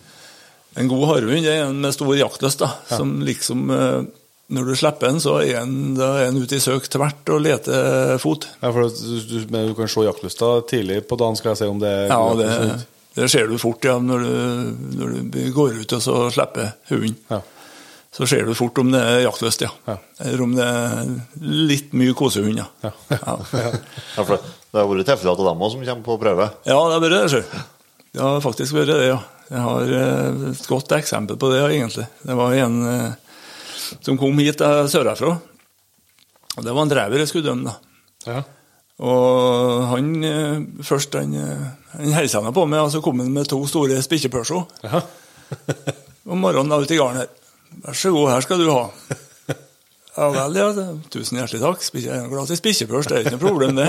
Spe, det spe, spe, spekepøls på bokmål, da. Ja, spekkepøls på bokmål. Ja. Ja. Men litt mer spikkje ute i dalen her. Ja. Nei, altså Men det var nå greit. Jeg tok ned mot det pølsen. Ja, bar dem inn før vi for ut. da. Og kom opp i marska her og skulle prøve å slippe den hunden. Han var en fryktelig glad og trivelig hund. Ikke noe problem. Denne. Han sprang rundt oss og logra med rumpa for at han fikk lov til å være løs. Ja. Han hadde en kjempedag, han tydelig. Men jeg, jeg tok den med meg bortover mot et hårespor, som er ferskt ett som jeg så borti her. Ja. Så gikk vi nå det sporet, jeg og hunden, til vi fikk ut hårene. Og så hårene begge to, og den stakk ut. Men eh, nei, hunden var ikke interessert i hårene. Det var mye mer artig å være med meg, da. Ja. Ja, Så, du, du, du virker jo som trivelig og jovial kar, så det kan jeg nå skjønne. Jo, jo, det jo så, vet du. Men nei, så eh, det ble ikke noe premiering på den, nei. Nei. Og da ble han litt helsnørt, da, sjølsagt. Ja. Han hadde den første på hunden tidligere, så da syntes han det var rart han ikke kunne få det. den dagen òg. Ja, ja. Men han har ikke jogga noe, så jeg kunne ikke uh, gi ham noen verdens ting. Nei, nei, nei. Så sånn endte den. Ja, er ja. glad, du er glad i spisepølse, men ikke så glad. Nei, ikke så glad i spisepølse. Så han satte på om det, så kunne han ha fått med seg spisepølsen igjen, og prøvd på neste dommer eventuelt. Ja. Nei, men Det tror jeg er dårlig, dårlig strategi, ja. Du får, Ja, det er det. Du nesten du starter lenger på minussida. Ja. ja, det blir det. Ja. Det blir, blir rett og slett du blir irritert, vet du. Ja. Blir forbanna. Ja. Så han starta egentlig på, med minuspoeng ganske tidlig på dagen, ja. Det blir sånn, ja. Men det har, eh, du, fortsatt, du driver fortsatt og dømmer Du sa at noen år siden du dømte på, på bannhund, men du fortsatt driver aktivt på med harehund, eller? Ja, det gjør jeg. Prøver å dømme så mye som mulig der, ja, egentlig. Ja. For det tyder jeg er fryktelig artig å være med og ut og se andre mann sine hunder. Og, og det kan en, For alt det der er jo retta opp imot avl, vet du. Ja. Så å få dømme en god hårhund og få, gi en førstepremie, det, det er stort. Men det er det samme, for at det, det er forskjellige prøver, om det kommer en støver eller en kortfot, eller Ja da, det er forskjellige prøver. Ja. En kortfoting skal ha 90 minutter lostid ja, for å få den første. Ja. Men en støv en langfoting skal ha 120 minutter. Ja. Men ellers det- er momentene like, eller? Momentene er like ellers, ja. Ja, ja. Det er de, ja. Så. Ja, skjønner jeg.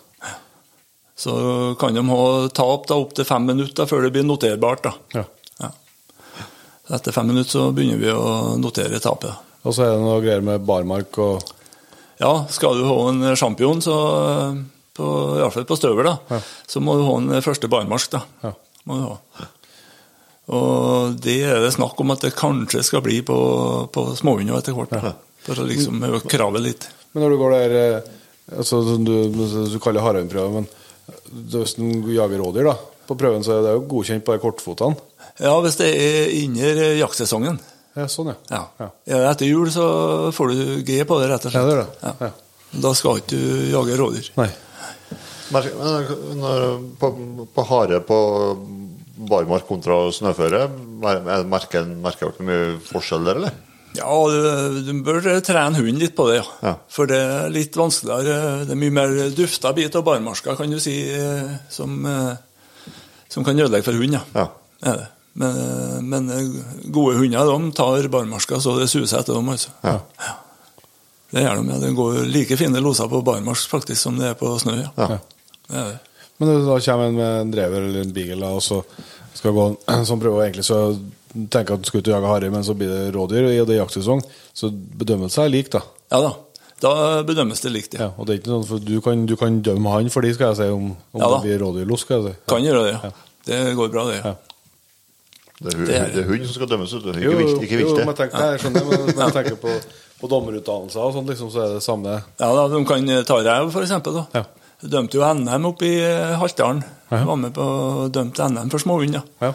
Og Der eh, var det en som tok ut rev, den som jeg skulle dømme. da. Ja. Tok ut rev, og, og det gikk til full tid. Ja. Så han ble eh, førstepremie på rev. Ja. Så det, det går bra, ja. Alt mens det er innen jakttiden til viltet, så får, får de lov til å jage dem. da. Ja. Hva syns du sjøl? Altså, er det noen forskjell på, på sånne dreverne du har hatt, da, som jager i alt forskjellig? Er det stor forskjell på Hva syns du er artigst losen å sitte og høre på? skal jeg si? Ja, eh, men jeg har en liten sånn eh, forkjærlighet for hor- horrorlos, da. Ja. Så det det tyder fine loser. Ja, Hva, hva skiller den, da? Sånn i, i, for å sitte og høre på, skal jeg si? Nei, det er jo En Ture er litt, er litt sikrere, kan du si, enn rådyra. For rådyra de må være mye roligere i terrenget. Ja. For hvis rådyret vet at det er folk i området, så Drar går som ja. regel losen rett ut, ja. Ja. Uh, haren kan komme og sitte med føttene dine, vet du. Ja. Og hunden kommer etter, da, så kan han komme en ny runde og sette seg opp med føttene dine. Ja.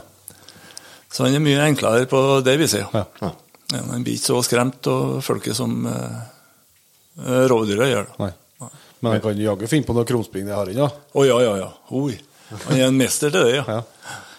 Springer etter vei, f.eks., så kommer han i retur igjen og tar et langt bøks over snøplukkanten og ute i skogen. Ja. Da sliter de med hundene som ikke har vært trena på vei, i hvert fall. Ja. Men noen er godt trena på vei også. Ja, for det er jo et element her. Hvis en jakter mye veilyst, eh, eller trener innom mye vegløst, så kan de få seg overraskelse hvis de kommer og prøver en plass til vei. Ja. Ja, det kan de få, ja. Så det, det, det er et viktig moment det også, å trene etter vei. Ja. Ja. Der det fører biler, og, og likeens kanskje skuterspor eller noe sånt òg. Ja. Så Ja, det, for den, sitter jo der lukta der. ja, gjør det, Ja. Det er jo mye annen lukt, kan du si, iallfall til skutersporet. Både av bensin som ligger igjen, og ligger sporer av bensinlukta. Så Men er den som du var på landskamp med, som har liksom vært besten du har hatt, eller? ja, uten tvil. Ja. Den beste driveren jeg hadde, ja. Ja. Det er det. Hun var skikkelig god, hun, ja. ja. Hadde hadde du mye kvalper, på den, eller? Ja, jeg hadde flere kvalper på henne, ja. Ja. Det hadde og de kvalpene gjorde det jo bra. Ja. En av dem var med på NM oppe i Haltdalen igjen, og det takom unna henne. Ja. Så det var skikkelig artig. Ja. Men du sa du liker han på 11 år nå, som kanskje begynner å, å, å etter hvert må, må byttes eh, det blir en ny Laika, eller blir det drever, eller hva, hva Uh, Jeg har ikke helt bestemt meg, ja. Nei, ja, litt Eh, jeg har litt ja. lyst på eh, Jeg må ha en elghund. Ja. Men uh, om det blir svart, grå, jevnt, jeg vet ikke. Jeg har jo liksom ikke noe standpunkt på den. Ja. Nei. Eh, Men jeg må nå ha en, da, vet du. Ja, ja. Forstår du det? Ja, det er alle sikre. Men det kan bli en drever igjen nå, eller?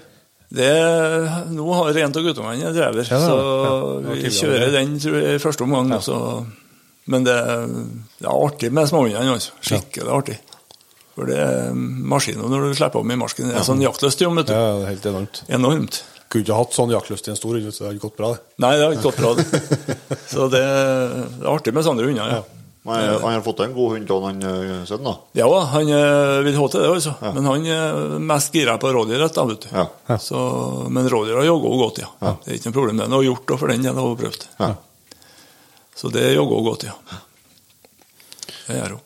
Men jeg tenker på her, eh, litt mer om det hjorteoppdrettet. Hvordan, hvordan, kom du, hvordan ble det at du ville begynne, begynne med hjorteoppdrett? Eh, vi, det var i samråd med guttungene her, da. Ja. Så eh, vi leide bort jorda, vet du. Ja. Og da blir det litt sånn eh, du går og kikker på Har ikke tenkt å gjødsel nå? Skulle ikke være pløyd at nå snart? Og, ja, det blir litt sånn, sjø. Uten at du egentlig mener noe vondt det. Men eh, Du er glad til, til gården, så blir det jo sånn. ja, det blir det. Og så var nå guttungene var litt interessert i at vi kanskje skulle starte opp med noe. Ja. Det var de som egentlig kom med forslaget på hjorteoppdrett. For de hadde jo googla litt og kikka på nettet da, vet du, og funnet at det var et alternativ. da. Ja.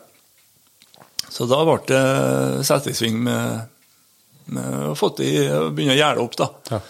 Opp gjerdet og så til for du har noen timer med gjerdet, du òg. Ja, vi har timer med å holde på å gjerde. Ja. Vi har vel en eh, ja, 95 mål, en sånn som er inngjerde her nå. Ja. Med netting som er 2,44 høy. Ja. Eh, Så da ble det vi skulle prøve hjorteoppdrett. Mm. Og det har jeg egentlig ikke angra noe på. Det Det er fryktelig artig og interessant. Ja. Ja, det. Lære mer om viltet, for å si det sånn. Ja, for det er dette spennende å høre om det er liksom noe, du har lært etter å begynne på oppdrettet, som du kan ha tatt med på jakta, skal jeg si. Ja, faktisk ja, lærer vi både mye til lydene, kallelydene og litt sånn. Vi hører dem, går og smårauter til hverandre og Prater litt, ja. prater litt, ja. ja. De gjør det, altså. Så det er ting som du kan bruke på jakt. Ja. Og så er det som er mye snakk om i, blant jegere utover høstene, er jo sånn når brunsten er i gang, og hva som foreganger. og Ja. sånn. Og liksom det, for nå snakket, Vi snakka om det her, at eh, du sa at i år som kom kalvene mye senere enn de gjorde i fjor. Ja, de det. Så det har nok noe med at det var sen brunst i fjor høst, altså. Ja. Helt klart.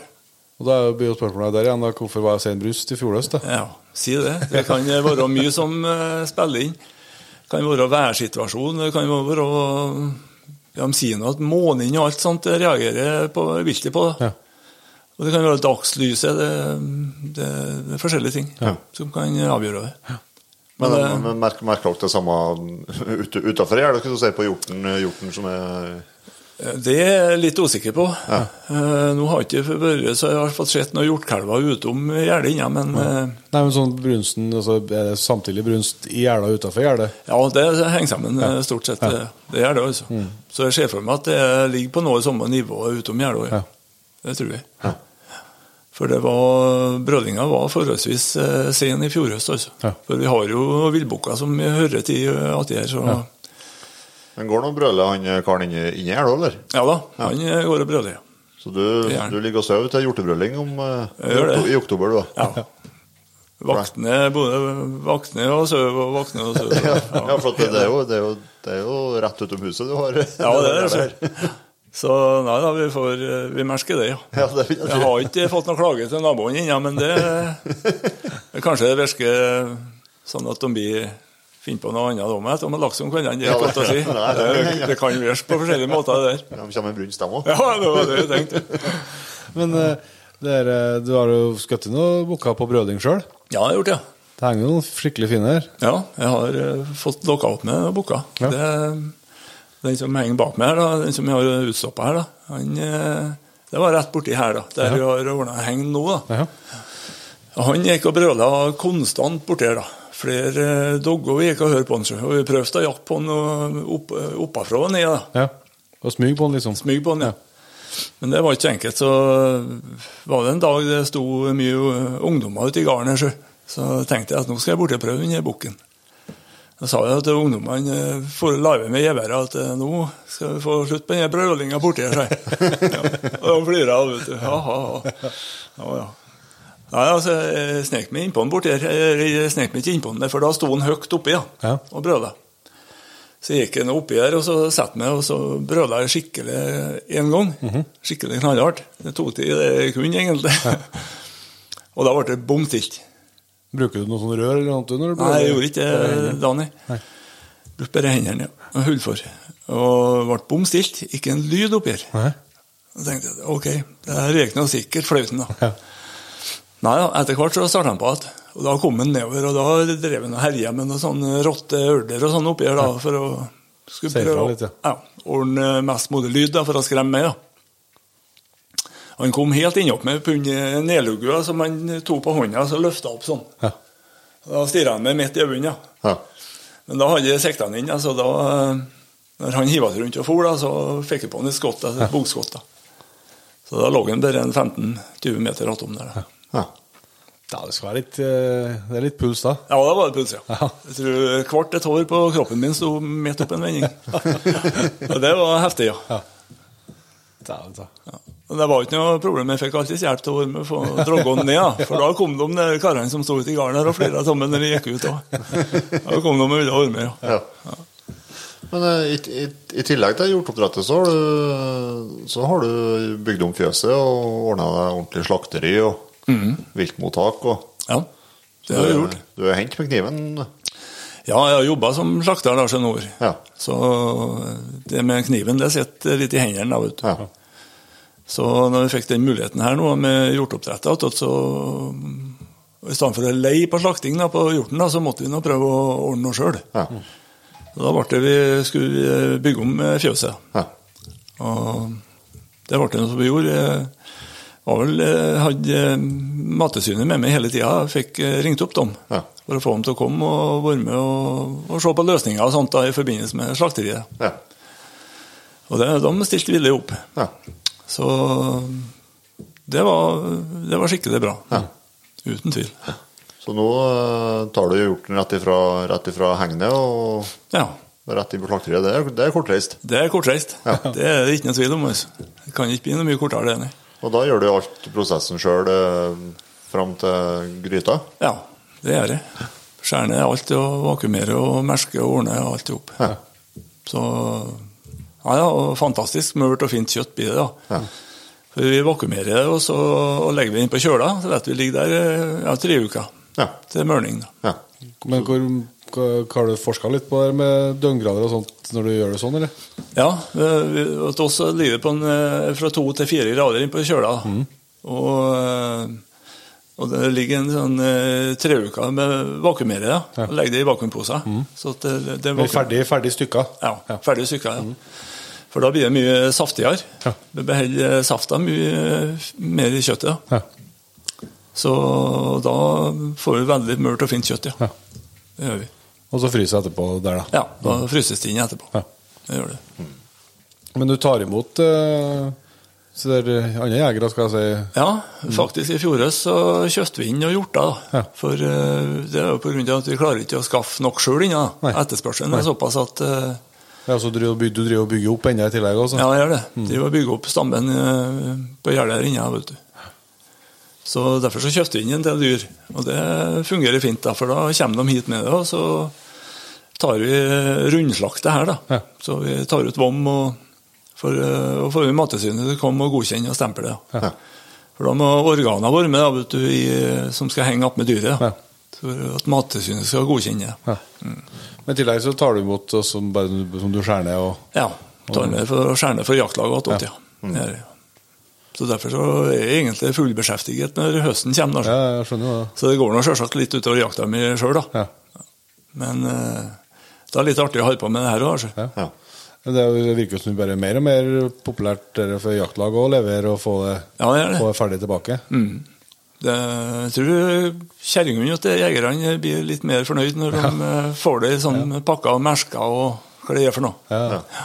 men jeg har litt små planer sjøl hos deg, og så levere mer. For det, det første er at jo ikke, ikke så jækla flink til skjæringa. Altså, er jo noe med å ha utstyr og, Ja, og kunne holde på med å liksom. Klart det. Håndtere. Nei, det, det Man skal vite hvilke biter det er du skjærer ut av. vet Ja, du. og- det vet ikke jeg. Nei. Nei, det er akkurat det der. Så det, du skal drive litt med det for å vite det. Ja. Ja. Jeg har klart en forhold til noen steker og sånn, men det, det blir ikke det blir ikke like bra som når du som virkelig kan det, holder på det. Og, Nei, da, sånn, det. Men det er mange, mange jegere som er interessert, da, det, Ja. rett og slett. Så de, de, gjør det, de er flinke og gjør det bra. Altså. Så det, men ellers så er det mange som kanskje ikke har peiling i hele tatt på hva de holder på med. Men eh, da, du har nå jaggu begynt å se forskjellige slags som er kommet inn da, fra, fra jegere. Ja, det har jeg gjort, ja.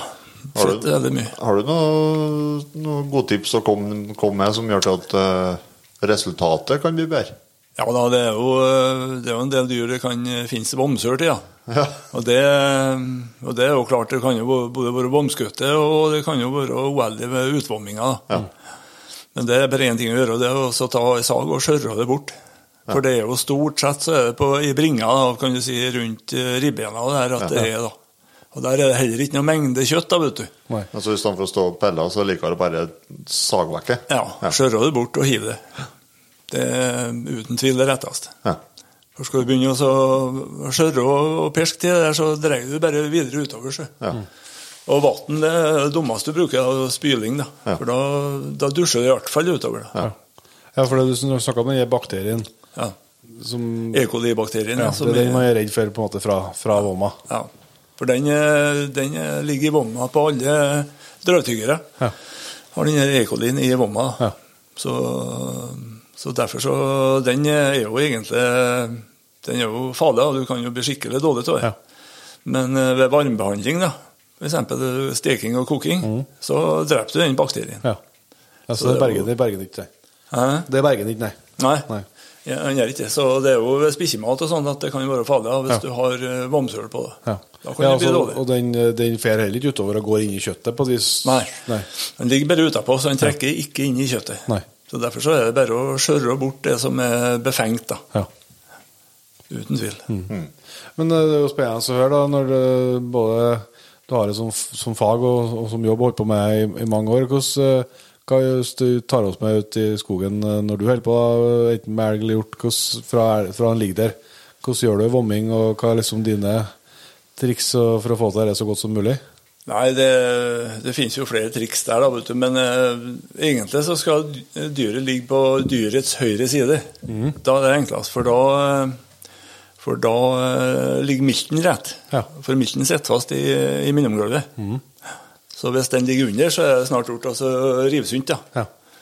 For det, den, eh, den henger best egentlig inni dyret, kan du si. eh, Henger fast mest, da. ja. Så få dyret over på På dyrets høyre side. Dyrets høyre side det er det enkleste å bomme ut. Ja.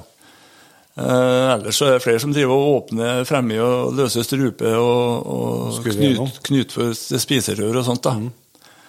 Det har egentlig ikke vi gjort. Nei. Vi åpner minst mulig i marsken da. Ja.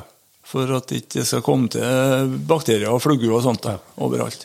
Altså, da tar du ut bare vomma og lar mellomgulvet være igjen, da. Ja. Vi gjør det med å åpne mellomgulvet, Ja. bare så du Ja, får så luft inni. Så du får ut blodet. Ja, får ut blodet og får luft inni. Men lunger og hjerte og sånt, det får være i slaktet til dere kommer, kommer fram. Ja, vi bruker det, vi. Ja. Det gjør vi. Minst eh, åpning i marska. Da, da, da åpner minst mulig inn til, inn til buken da? Ja, egentlig det. ja. Men det sier seg for selv, du må åpne litt, for du må, når du liksom åpner og tar ut, så jeg begynner bestandig å ta ut endetarmen da først. da. Ja. Tar og løser ut den, trekker frem i all møkka som er i tarmen, og, og så kapper den helt innmed. da. Ja. Og så er det bare å rive ut da, fremover. ja, så du, du begynner bakerst? Begynner bestandig bakerst, ja. Ja. Det er det, så det henger igjen bare til spiserøret, for da har du god kontroll på spiserøret. Ja. Det er det siste som henger igjen. da. ja. Så da kan du eventuelt eh, du kan, Det finnes klips som du kan ha med. Du kan ha med strips og, Ja.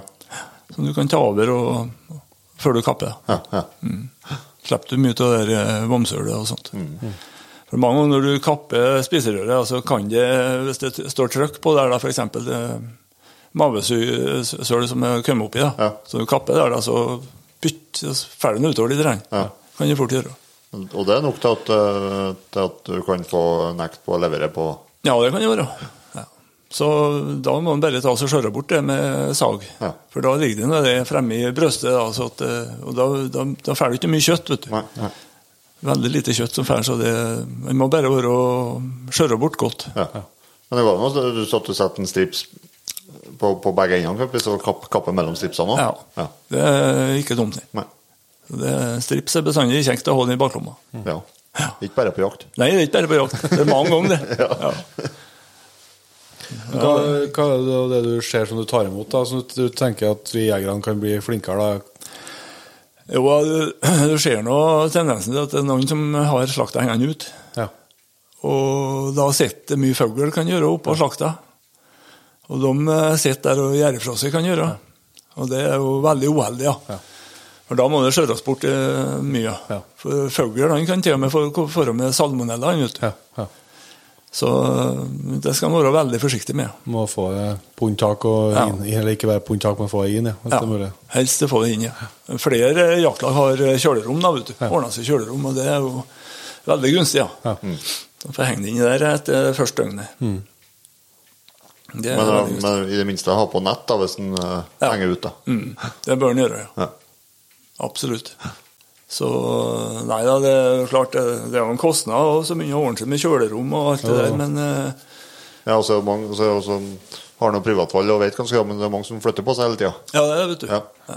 Og det, det er jo faktisk de som har kjøpt seg kjølehengere. Ja. Som eh, store hengere som de har hatt i Bjærsombilene med Ja. kjøleelement på. Men det er jo Da snakker vi mye penger, da. Det er investering. Det er investering. Det er det.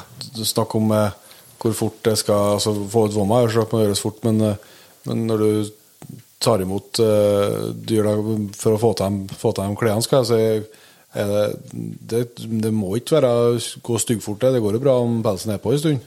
Ja, det er det. Det er ikke noe problem, det. Pelsen er ikke noe problem, det. Men uh, vommene bør helst eh, ut innen to timer da, Ja. Ja. på slakta. ja. Så hvis det skutter på gjerdet, f.eks., så er det jo egentlig bare å kjøre bort til en henger og hive det oppi og Få det på slakteriet. ja, få det på slakteriet så fort som mulig. Og da kan du vomme ut på slakteriet og alt. Ja, er veldig enkelt, da. Ja. Men, det går, også- men om du må hvis en vommer ut, skal jeg si, eller ta, må ta ut skikkelig hvis det, hvis det er langt unna, det er ikke noe, det er ikke farlig å la det ligge eller henge natta over med pelsen på. Nei da, ikke noe problem. Nei. Det gjør ikke noe galt med det, nei. Nei. Så lenge, så lenge den henger, eller? Ja, så lenge den henger, ja. Ja. Ja, Det har ikke noe å si om den ligger, men den bør ikke ligge noe lenge, nei. Nei. Nei. Men henger det, så kan det henge et døgn, ja, det er ikke noe problem, det. Men det, blir, det fester seg mye mer, da. Ja. Så det, Tyngre å flå, ja. Ja, mye tyngre å flå. For som du har her, så da vinsjer du av eh, Ja, mye godt, eller? ja jeg gjør det. Jeg har, Hva, hvordan er det du ordner for å få til det på en god måte? jeg har uh, ordna meg med en vinsj, eh, en rund i gulvet. da. Ja. Og så har, for jeg har litt for lite takhøyde uti her. Ja. Så har jeg en vinsj i taket, og så har jeg en rull i gulvet, og så har jeg en vinsj i veggen bakom. Ja. Så tar jeg kjetting eh, under den rullen og henger til skinnet. Ja. Så så, kjører jeg begge vinsjene. Ja. da.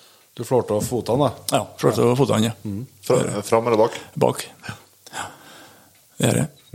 For det, det er mest vant, da. Ja. Jeg ser det flere som flår flåter og fram, da. Ja, og dere dreier andre veien, ja. Ja, det er det andre veien. Men jeg er mest vant til eh, bakføttene, Så så derfor så bygde jeg opp det for eh, hensikt på det. da. Mm. Det. Og det fungerer godt, ja. Ja. Og det tar jo på elg uti her. og- Hvordan fester du i skinnet? Den kjettinga har du nå? Det er bare noen snarkjettinger som jeg tar rundt, for når jeg flåter bakføttene, så lar jeg foten være igjen. Ja. på skinnet, så den henger på skinnet. Ja. Så det blir enkelt å ta sånn, ja. eh, snarkjetting bare sånn løs rundt, Ja. rundt mm skinnet. Som jeg drar under rullen ja, og så bortover gulvet. Ja. Kjører jeg skrotten opp igjen. da. Men Må du bortpå kniven noen plass i tillegg, da? Ja, jeg passer på litt, ja, så ikke eh, å løse der det svangene og sånt, da, der det uh, enn så rev, revner der. da. Men det, du bruker ikke mange minutter på å flå en hjort en helg, du? Nei da, det går forholdsvis fort, ja. Ja. Det gjør det, altså. Altså, jeg har sett eh, når det, er på noen, det blir jo jævla fin slakt av eh, når du står med kniv, så blir det ikke lik, det blir, du klarer ikke å få det like eh, elegant sånn når du, som når du kan dra det på viset her. da. Nei, det er sant, ja. Det blir, de blir mye finere slakta, ja. Det gjør de. Så det For ellers så ja, Du skjærer nå selvsagt inni kjøttet når du er på flå, da, vet du, fremme siden. For det er jo tynn, den kjøtthinna som er der, da. Ja. Så det er, men det har jo egentlig ikke noe å si, for det er jo ikke, det er jo ikke den store mengden med kjøtt som forsvinner, nei, nei, som blir med skinnet av. Det Ja. er mer for det estetiske, liksom. Ja. ja, mest av det, ja. Ja. Mest av det, ja. Ja, men Det er jo trivelig å se på et fint slakt. ja, det er trivelig. Ja. Uten tvil. Men du driver jo og lager litt uh, bryggere og, og løvsteik og pølse og forskjellig. Ja da. Hvilke uh, erfaringer har du gjort etter hvert hva, for å liksom få til gode, gode produkt? Hva er det du må, hvis du skal drive med dette på kjøkkenet sjøl? Ja, For det første så må du ha en, eh, en eh, god kompis som har drevet med det her i mange herrens år. Ja. Det er en bra start. Det er en veldig god start. Ja. Han eh, er med og hjelper med mye, så han, han er flink. da. Ja. Det er han Svein Andersen oppe på Støren. Ja, riktig. Han er spesialist på det her. da. Så han har gode oppskrifter og, og, og kan alt med produksjon og sånt på sånne ting. Men du har fått i sjøl noe så du har eh, Ja, jeg er på oppstarten med å så begynne å kjøre i gang en del av det sjøl. Ja. Ja, ja. Så det blir spennende. ja, pølsemaker etter hvert. da. Ja, forhåpentligvis så blir det pølsemakere etter hvert. Men har du begynt, har du begynt som Vi snakka om uh, spikkepølse. Du sa at du ikke ville ha det når du skal komme og dømme hunder. Men skal du, skal du begynne å lage, lage det sjøl? Ja da, det har jeg gjort i eh, flere år. Til det eh, elgen som vi har skutt sjøl. Da. Så har jeg ordna med spikkepølse sjøl. Ja. Så den skal vi nå kjøre videre etter hvert. da. Hvordan, du ordner, hvordan ordner du spikkepølse? Altså, du skal slippe å gi hele oppskrifta. Ja. Det har vi sett langt inn, da. Men Nei altså, da, det, prosessen. ja, da, vi, har jo, vi må nå ordne en farse. Ja, Mm. som, eh, og krydre opp og ha til de innredningene som vi ønsker å ha til. Da. Og da har du litt spekk med òg, da. Ja, det er det spekk med. Hvis ikke så blir det veldig tørt, det ja. viltkjøttet. Da, vet du. Så det er med litt spekk alltid. Ja, det er gris, det, eller? Ja, det er gris. Mm. Det er det. Og da må du fått til farsen, da, så må du nå sette i en pølsestapper. da. Mm. Så får sette ut, eh, kjøre ut den pølsa du vil ha. da. Mm. Så den kokmør og, og spikkemør og sånt, det har vi ordna sjøl her da, hele tida. Ja. Har vi gjort det. Men det er jo kun til privat. da. Ja. Hvor lenge skal jeg henge der, da? Det, det som er litt artig, er så gå og kjent på det her, da, vet du, når det begynner å nærme seg at det blir ferdig. Det går an å begynne å prøvesmokke. Ja. For det er en høydere. Da, vet du. Så det varierer litt der fra For jeg henger på buret her, ja. Ja. Har gjort det. Ja, Så bruker du ikke kjølerommet til, til Nei. det? nei. Det, det må være å henge luftig og Ja. tørt og fint. Så da har jeg brukt buret, ja. Ja. Og da er jeg jevnt oppå og prøver å kjenne litt på den. da. Det er litt væravhengig, ja, vet du. Hvordan været er fremover, da. Ja. Men eh, på nyåret som regel så er det jo veldig tørr luft, da. Ja. Så da er det veldig fint å ha det hengende i buret. da. Ja. Ja. Men kan en, eh, kan en, eh, når du har laga en farsen liksom gjort ferdig pølse, kan du da fryse det og så henge opp for speking senere? Eller må det henges med en gang? Det må henges med en gang, ja. Ja. Det gjør det. Så Det er ikke noe heldig, men det, det er greit. Det ligger et døgn kan du si, på kjøla bare for å få, få krydder og alt det der til å sive ut i Ja. Hele, hele pølsa, liksom? hele pølsa, liksom. Ja. Ja. Så, så henger vi opp det oppe i buret. Ja. Og, gjort det. Og det har fungert bra. Det mygla et år opp men det, da vaska jeg bare med saltlake. Ja. Vaska bort igjen myglet. Ja. Ja, for det var fuktig i været, liksom. Så. ja, det var det. Men det er liksom bare ute på skinnet, da, vet du, så det er ikke noe som trekker inn i pølsa. Nei. Så den ble like fin, den. Ja. Det. Hva er egentlig forskjell på, på Hva er egentlig, eller hva, på en måte, hva er egentlig morr? Altså, Ja, mor er spekemor, da. Og så har du kokmor òg, da. Men er det bare at den er tynnere? Er det som er forskjellen, det er liksom forskjell på prosessen når du lager det mer mot de vanlige, mer sånn større spekepølse, liksom? Nei, det, ja, det har størrelser på Vi bruker jo tarmer. Ja. Fett i tarmer nede på til Eismo. Kjøper sånn tarmsett der som vi bruker. Ja. Og det bruker vi på samme, da, både på kokmør og, og spikkmør. Ja. Men kokmør, det vil si at da koker du pølsa rett og slett. Ja. og så speker vi etterpå, eller? Nei, Nei, det, ja, det er to ferdig. forskjellige oppskrifter. Ja. Så den er ferdig med en gang, den, da? Ja, den er ferdig med en gang. Så den eh, får ligge et døgn, den, og så fryser vi den inn. Ja. Ja. Men hvor lenge skal jeg koke og sånn? Da? Nei, det skal helst ikke koke. Det skal Nei, eh, kokes opp, og så skal det bare stå der og trekke. Ja. Ja, for begynner du å koke, så da renner hun. Ja. Og da ja, det blir jo som vanlig pølsekoking. Ja, det blir det. det, blir det.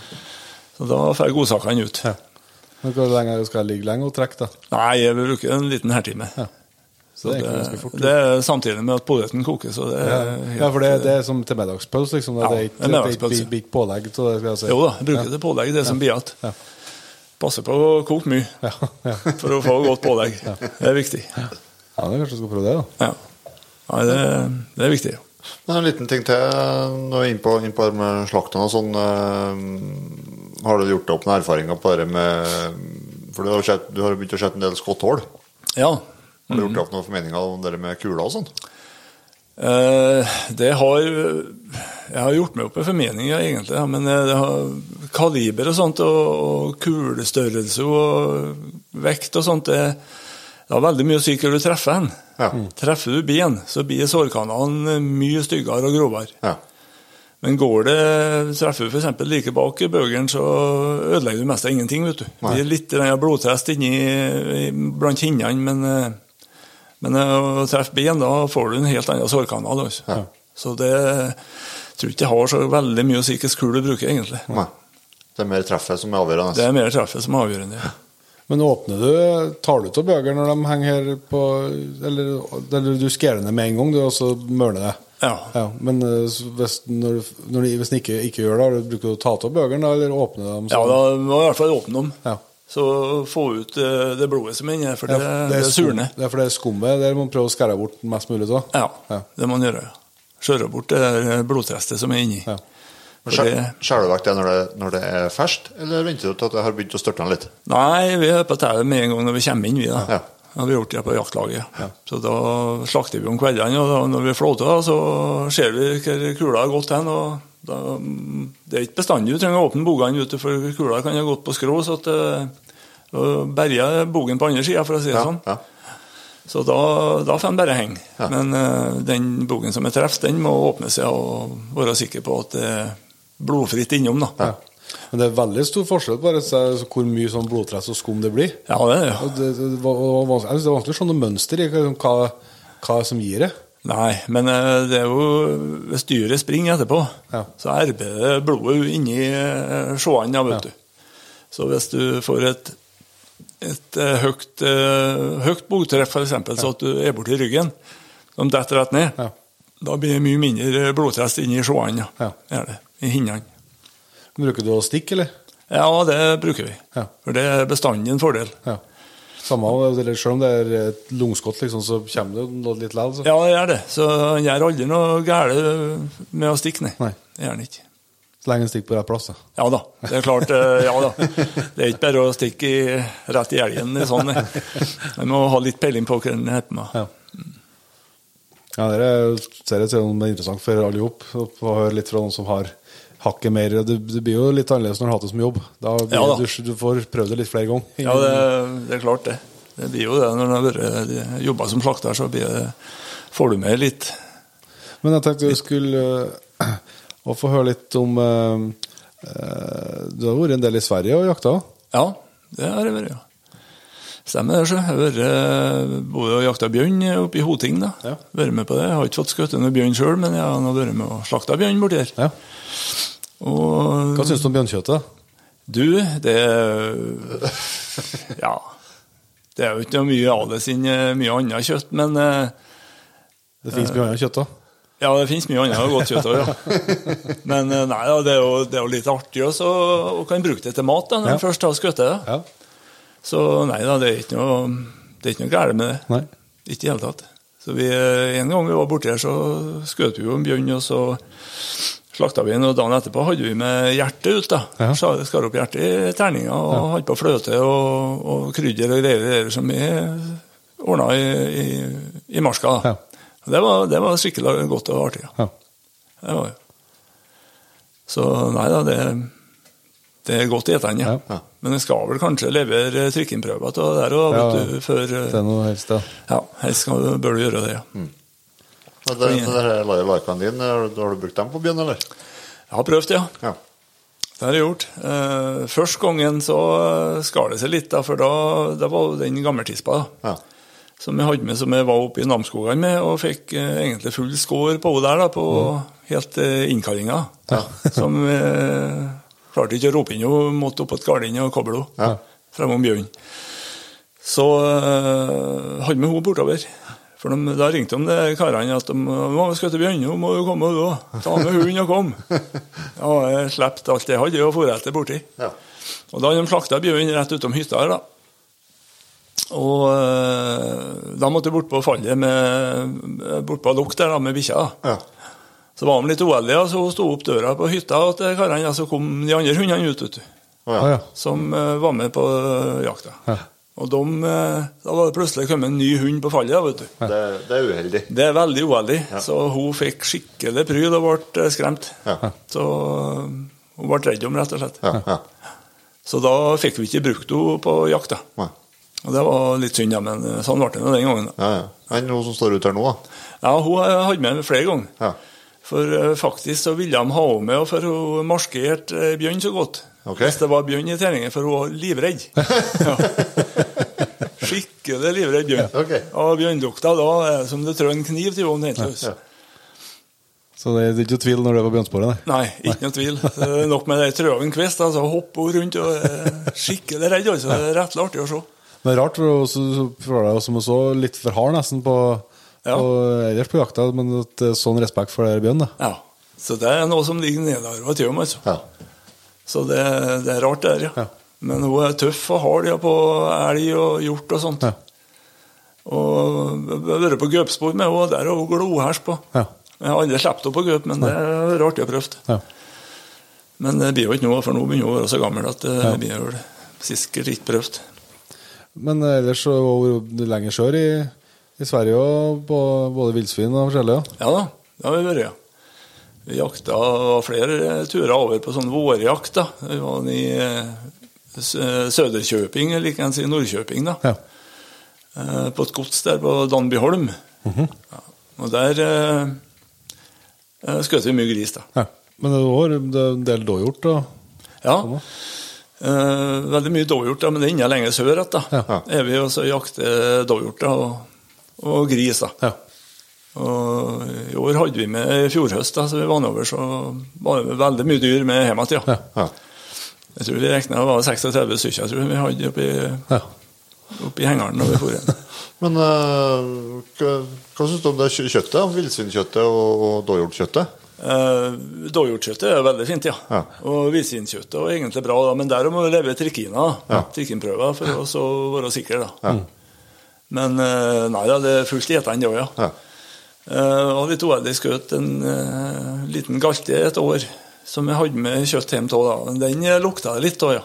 Ja. Så den eh, Det ble ikke spist alt det som ble med hjem. nei. Det og brunst. Det var brunst, ja. Rett og slett eh, galt lukta. Ja. Det var vel av at vi var litt overlunde og vi slakta flodden. Ja, vet du. Ja. Og det som var årsaken til at vi fikk det på kjøttet. Ja. Ja, det blir, det blir sånn på hjortbukken, og det må være forsiktig når det Ja, det blir på samme vis. Ja. Ja. må være forsiktig der når man slakter. Så vi har alle vært uheldige, vi også på hjortbukkene. Det har gått eh, skikkelig bra bestandig. Ja, Men da, da må være hjortbukkene må være forsiktige, altså ikke, ikke bruke samme hendene på, som er borti, borti pelsen som, som er i kjøttet. Nei, stemmer. Du må hele tida må skinnet dotte ifra. Du må aldri slippe skinnet så at det detter inn på skrotten igjen, for å si det sånn. Hele tida flå så at du skinnet detter hele tida ned. Da. Ja. Og så liker like så du tar ut, da, så det ikke kommer noe Ja. urinblære sånn, da, at det er forsiktig da. Ja, det er viktig. Mm. Pass på det, for den urinen til disse bukkene, de, det er Den setter smak. Den setter smak. Det er parfyme, det. alt om. Og så ikke noe altså, Men det er, ja, for det er jo ikke så mye vomma på dem da, når de er i den Nei, formen som den du skjøt der, så da vet de ikke all verden, nei. Nei da, de, er- de er tomme, ja. Om høsten også. Det er, de- for de, de slutter å ete ja, når de kommer i brunst. Det gjør den som er heng nå, eller? Ja, det gjør han. Han legger seg opp fettreserver nå utover sommeren her. Er nå han går og, og beiter og legger på seg. Ja. Også, men det, du har jo vært på noen skikkelige Det er jo ikke jakt, da, men du har jo vært på noen voldsomme eventyr ellers i verden òg. Det er jo noen fjellturer som er Ja. litt over snittet. Ja da, det stemmer det. Så vi har vært litt, eh, litt fascinert av høye fjell, da. Ja. Eh, Mount Everest har vi ikke eh, prøvd, og det har jeg heller ikke noen planer om. Nei. For det er litt sånn Det er litt for tøft, da. Ja. Så, men vi har vært på et fjell i Andesfjella som heter for Aconcagua, Mm. Argentina. Ja. Og det var, det var en skikkelig fin tur, ja. Det var Da vi starta å gå innover dalen der, eh, Vakasdalen het den dalen vi starta ved på, på ca. 2000 meters høyde. Mm. Da var det muldyr som uh, hadde bagasjen vår innover inn til basecamp. Ja. Så det var, de, eh, det var litt artig. De kom og passerte oss, da, for vi starta ved fire muldyra innover. da. Ja. Så da var det bare å håse ut i veien, altså, for de eh, skulle, bruke, fram. sti, de skulle bruke stien. Ja. ja De gikk sjøl, da. Ja, vi gikk sjøl. Så var det med en, på, en rytter som var med red på hest, eh, som plystra. Styrte dem med plystring. Ja. Så han satt og ordna plystrelyder som, eh, Det var litt det var en opplevelse. Ja. Så jeg har det, har det jo på tape, da, så jeg har filma det òg. Ja. Så, og det var inn til basecamp, da. Og det vi brukte vel ja, tre, var det fire døgn vi brukte inn til basecampen, da. Ja. Som lå på en 4500 Ja, jeg tror det var 4500 meter den lå på den. Ja. Og derfra måtte vi bare bare bagasjen sjøl oppover, da. ja. ja det, var noe, noen høydemeter igjen ennå, da. Ja, det var det, sjø. Og da gikk vi ja, vi steg en sånn eh, 50 eh, 500 høydemeter eh, hver dag, da. Ja. Gikk opp med bagasjen, og så gikk vi ned igjen og lå. Ja. Og så flytta vi opp i den uh, høgden der bagasjen lå, da. Ja. Så var vi i bagasjen innen en etappe etappe opp, da, og så gikk vi ned igjen og lå. Ja. Det var sånn akklimatisering det hele tida. Ja. Så vi brukte vel eh, ja, mest av tre uker opp, da. Innen vi kom oss på toppen. Ja. Da brukte vi to dager ned igjen. da var det ble det bare lettere og lettere, og lettere når vi lenger ned vi kom. Ja, ja, ja. Så ganske snedig, ja. Men for det er nesten 7000 meter, eller? Ja, nesten 7000 meter. Ja. 6968 eller noe sånt. 69. Takk, Ja. Men det var ganske artig opplevelse på turen ned. og Du må føle at formen stiger eh, Ja. ganske betraktelig. ja, enormt. Ja. Det merka du godt altså, når det gikk nedover igjen. Så det, det er rar følelse, ja. Ja. Men merker du liksom høgda nesten for, for hver fem, Du sa jo fem Merker du det at det blir tyngre Ja. for hver dag, liksom? Du merker det, ja. Ja. Du merker at det du blir andpusten igjen, vet du. Når du begynner å gå rett, da. Men så går du ned og ligger igjen, og så, da har du liksom fått den akklimatiseringa opp til den høgden. da. Ja. Når du først har vært oppå en runde sånn, så Men det, hele tida er det jo tungt å gå i sånn høyt fjell, da, for det, det er veldig lite oksygen der. da, vet du. Ja. Men du har vært på noen en, i, i Russland, ja? Ja. Det var oppe i Kaukasusfjellet. Europas høyeste fjell, da. Ja. Elbrus. Og det, det, var, det var ikke noen nasjonalpark, det fjellet der. Nei. Så vi gikk oppover, men det kom snøscootere og hjulene forbi oss. Så det suet seg oppover. Tråkkemaskin og det var Rus russere, vet du. Ja, russere. Tam. Men de var ikke med helt opp, da. Selvsagt. Men de var nå godt oppi fjellet. Ja, så, og det var mye, mye søppel og sånn oppi fjellet her. Så det var De samme opplevelser sånn, liksom? Nei, de samme opplevelsene. Nei. Så i Aconcagua der var det jo det var en nasjonalpark, så der, ja. Det var villmark, liksom. Villmark, ja. Og der måtte du eh, Ja, skulle gjøre fra deg med avføring og sånt, så måtte du sitte på avispapir da. Ja. og legge sammen og ta med ned. da. Ja. Ja. Fikk ikke legge igjen sånne ting eh, Skulle ikke nå, Nei, kunne ikke legge igjen noe oppi her. nei. Stemmer. Så det var Og det er bra. Ja, ja. Såpass mye folk og besøkende som det er oppi her, så har det ikke sett ut vet du, hvis det har eh, vært fritt sånt. Men har alle frista deg og jakta på noe, jakta på noe dyr oppi høyfjellet? Ja. Det finnes jo noen geiter og Ja da, det var eh, sånn eh, lama oppi her, da. Ja. Så det eh, Alpakka heter han vel, og de kommer oppi der, da. Så det har gått an å jakta på dem, ja. Mm. Men de var ikke med helt opp til De var ikke så høyt oppi dommen, da, Nei, nei, egentlig. Nei. det blir tungt til dem òg. Ja, det blir det, sjø. Ja. Det blir det, ja. Ja, Nei, er- altså, når du kommer så høyt, så det er ikke, det er ikke noe eh, dyr eller fugler eller noe som helst? Liksom. Det, er- Nei, det, det er helt sterilt. Ja. Over 5000 meter så er det helt sterilt. Ja. Så da alle sår og sånt det lukka seg. Det var helt bort. Ja. Så, for det er, ikke noe som, det er ikke noe som berger seg, nei. Nei, ingenting som berger seg. Nei. Så det var helt sterilt å komme oppi der. Ja. Ja. Det er rart. ja, det er rart. Men eh, det er jo oksygen Ja, ja, som, tilførselen som gjør det ut. Ja. vi er jo forholdsvis avhengig av det. Klimaet. Mm. Det er det, ja. Yes. Nei, men Dette har vært kjempeinteressant, men vi, skal, vi er ikke helt ferdig ennå. Nei, Vi, skal, vi har noen faste spørsmål Stenar, Steinar, som vi må ha med deg. da, vet du. ok.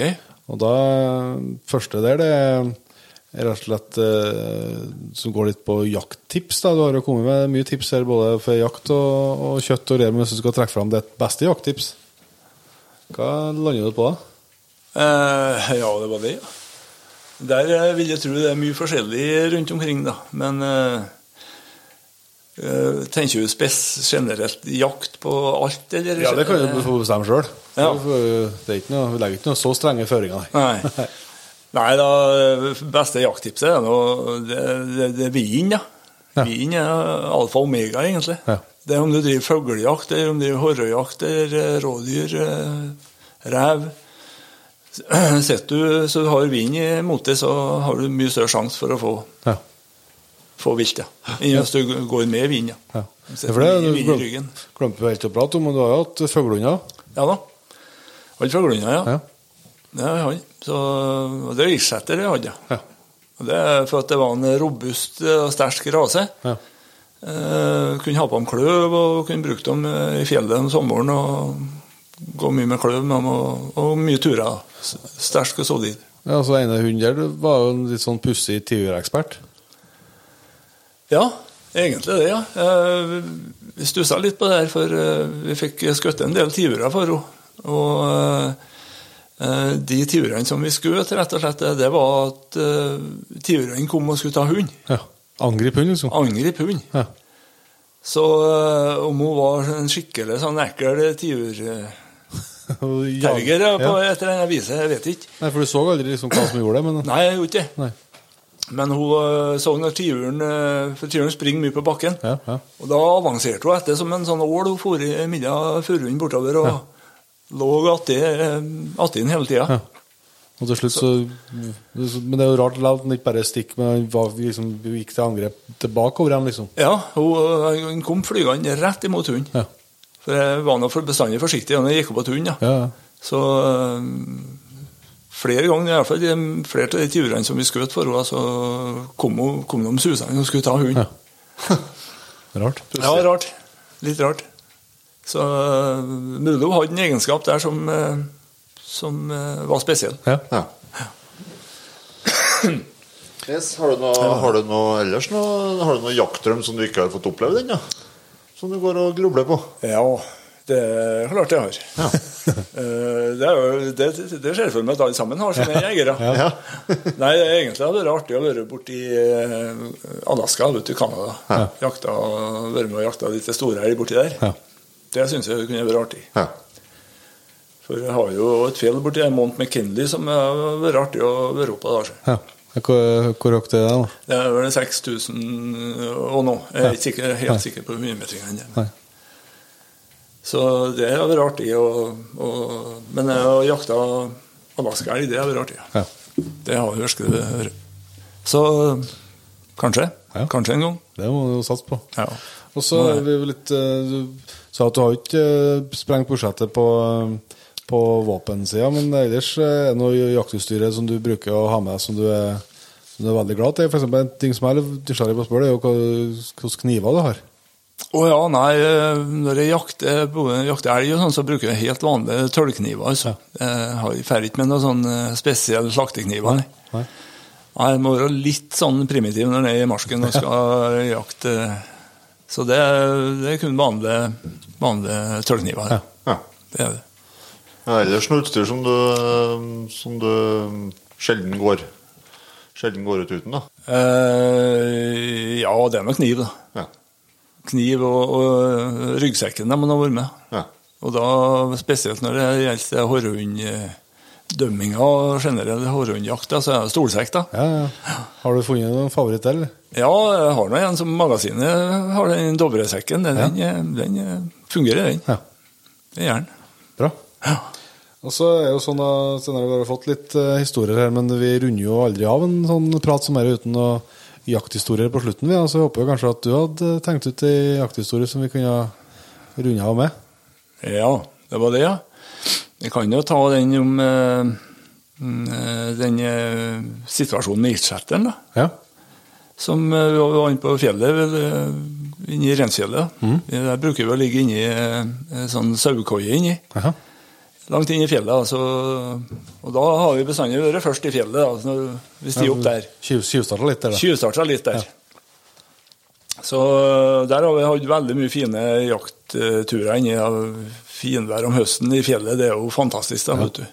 Og en fuglehund attåt som øh, ja, Hvis du får den til å fungere, så er det, jo- det er perfekt. da. Og det er jo den samme hunden som, øh, som vi snakka om tiuren her nettopp. Hun var med, hun øh, var god øh, for det var lite søk på. Så hun var en veldig god og fin jakthund å ha med. Lett å styre. Lett å styre. Ja. Og den morgenen der ja, så gikk vi nå ut som vanlig og klev opp i fjellet, og, og bikkja gikk i stand. Og jeg kom nå oppå henne og ga resingsordre. Og fem-seks ryper gikk opp, og jeg skjøt litt om. Og hun, bikkja hun sto helt i ro, Ja. så det var en perfekt situasjon. Og kom nå oppå til henne og, og så ga apportordre. Ja. Og hun frem og får til rypa. Og snur og er på tur tilbake med henne. Men hun, plutselig så vinkler hun. Går i 90 graders vinkel ut og går på en eh, liten 100 meter bortover. Ja. Og så går hun i ny stand. Ja. Fortsatt med rypa i munnen. Ja. Ja. Det er jo det. Og jeg går nå opp til henne og gir ny resingsordre, og Mm. hun leter to, reiser to ryper til. Ja. Og så skyter jeg ikke dem òg. og så går jeg bort til henne og så sier jeg apport. Da skal jeg fortelle, da ble hun rar. Og kikka opp på meg og fortsatte med rypa i kjeften. da, vet du. Så da springer hun bort til kjerringa med den rypa, legger hun frem føttene og to, og så springer hun og henter den andre, og så kommer hun. da. Det er. Ja, det tror jeg var litt eh, spesiell eh, Ja, det skjønner jeg at det er en situasjon som husker på. Ja. Ja, for eh, da vil jeg tro det lukta litt ryp rundt eh, snuten på også. Altså. ja, Det er helt utrolig at det, med det som er i ryp i kjeften, og der skal klare å plukke opp en sånn stråle Ja. en bit bortom. Ja. Så det er helt utrolig. Ja. Tøft. Så det var artig. Ja, det skjønner jeg. Det er merkesdag. ja. Ja, det, det var det. Det er en sånn situasjon som du aldri glemmer. Ja. Ja, ja.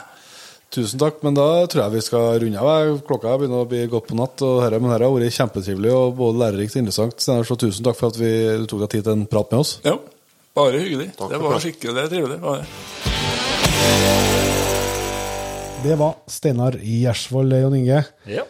En uh, trivelig, trivelig kar og en uh, ivrig jeger, og allsidig jeger. Absolutt.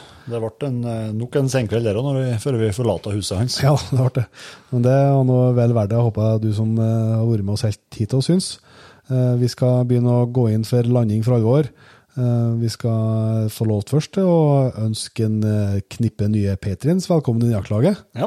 Og som jeg hører bør, så sier vi tusen hjertelig takk til Mats Ottesen, Kristian Flegstad, Morten Strangstad, Hege Hyllbakk, Trond Nordfon, Sjur Egseth, Trond Engan, Kristian Bjerknes, Lars Martin Romstad, Anders Næss Søyseth, Frode Holand, Andreas Andersen, Lars Jørgen Gottfredsen. Og Lars Nilsen. Tusen hjertelig takk til dere, og selvsagt til alle dere eh, som allerede utgjør P3-laget og gjør det mulig for oss å lage Jegerpodden. Eh, Neste uke er det jo en P3-episode. Ja, det er det, vet du. Så da blir det jo en episode som deles eksklusivt eh, med de nye medlemmene og de øvrige medlemmene i jaktlaget. Da finner du den i, i P3-appen eller på P3-sida vår. Eh, Da skal dere faktisk få høre et opptak fra Steinkjer. Fra liveshowet på Aspbøgen. Yes, der vi hadde med oss en Isak Dreyer som gjest. Ja. Det tror jeg faktisk eh, Nå har ikke jeg hørt opptaket ennå, men eh, jeg tror det er verdt å få med seg, for Isak er en ganske frisk eh, figur, han gitt. Ja, det er klassisk nordlending. Ja, det vil jeg si. Så det må dere eh, få med dere, eh, dere som hører dette her òg. Husk på å følge livesendinga fra NM Løsund, og eh, sjekk og gjerne ut nettbutikken til Jegerpodden. Yes. Da skal vi eh, ta på oss regnklærne og komme oss ut. Ja. Har du, har du med deg sydvest og Skokrem, ja. olje, oljehyre? ja. Det fikk vi jo på Hitra. Ja, stemmer det. Nei, men vi runder av der, og så ser vi som vi bruker å gjøre, Jon Inge, til neste gang. Vi høres.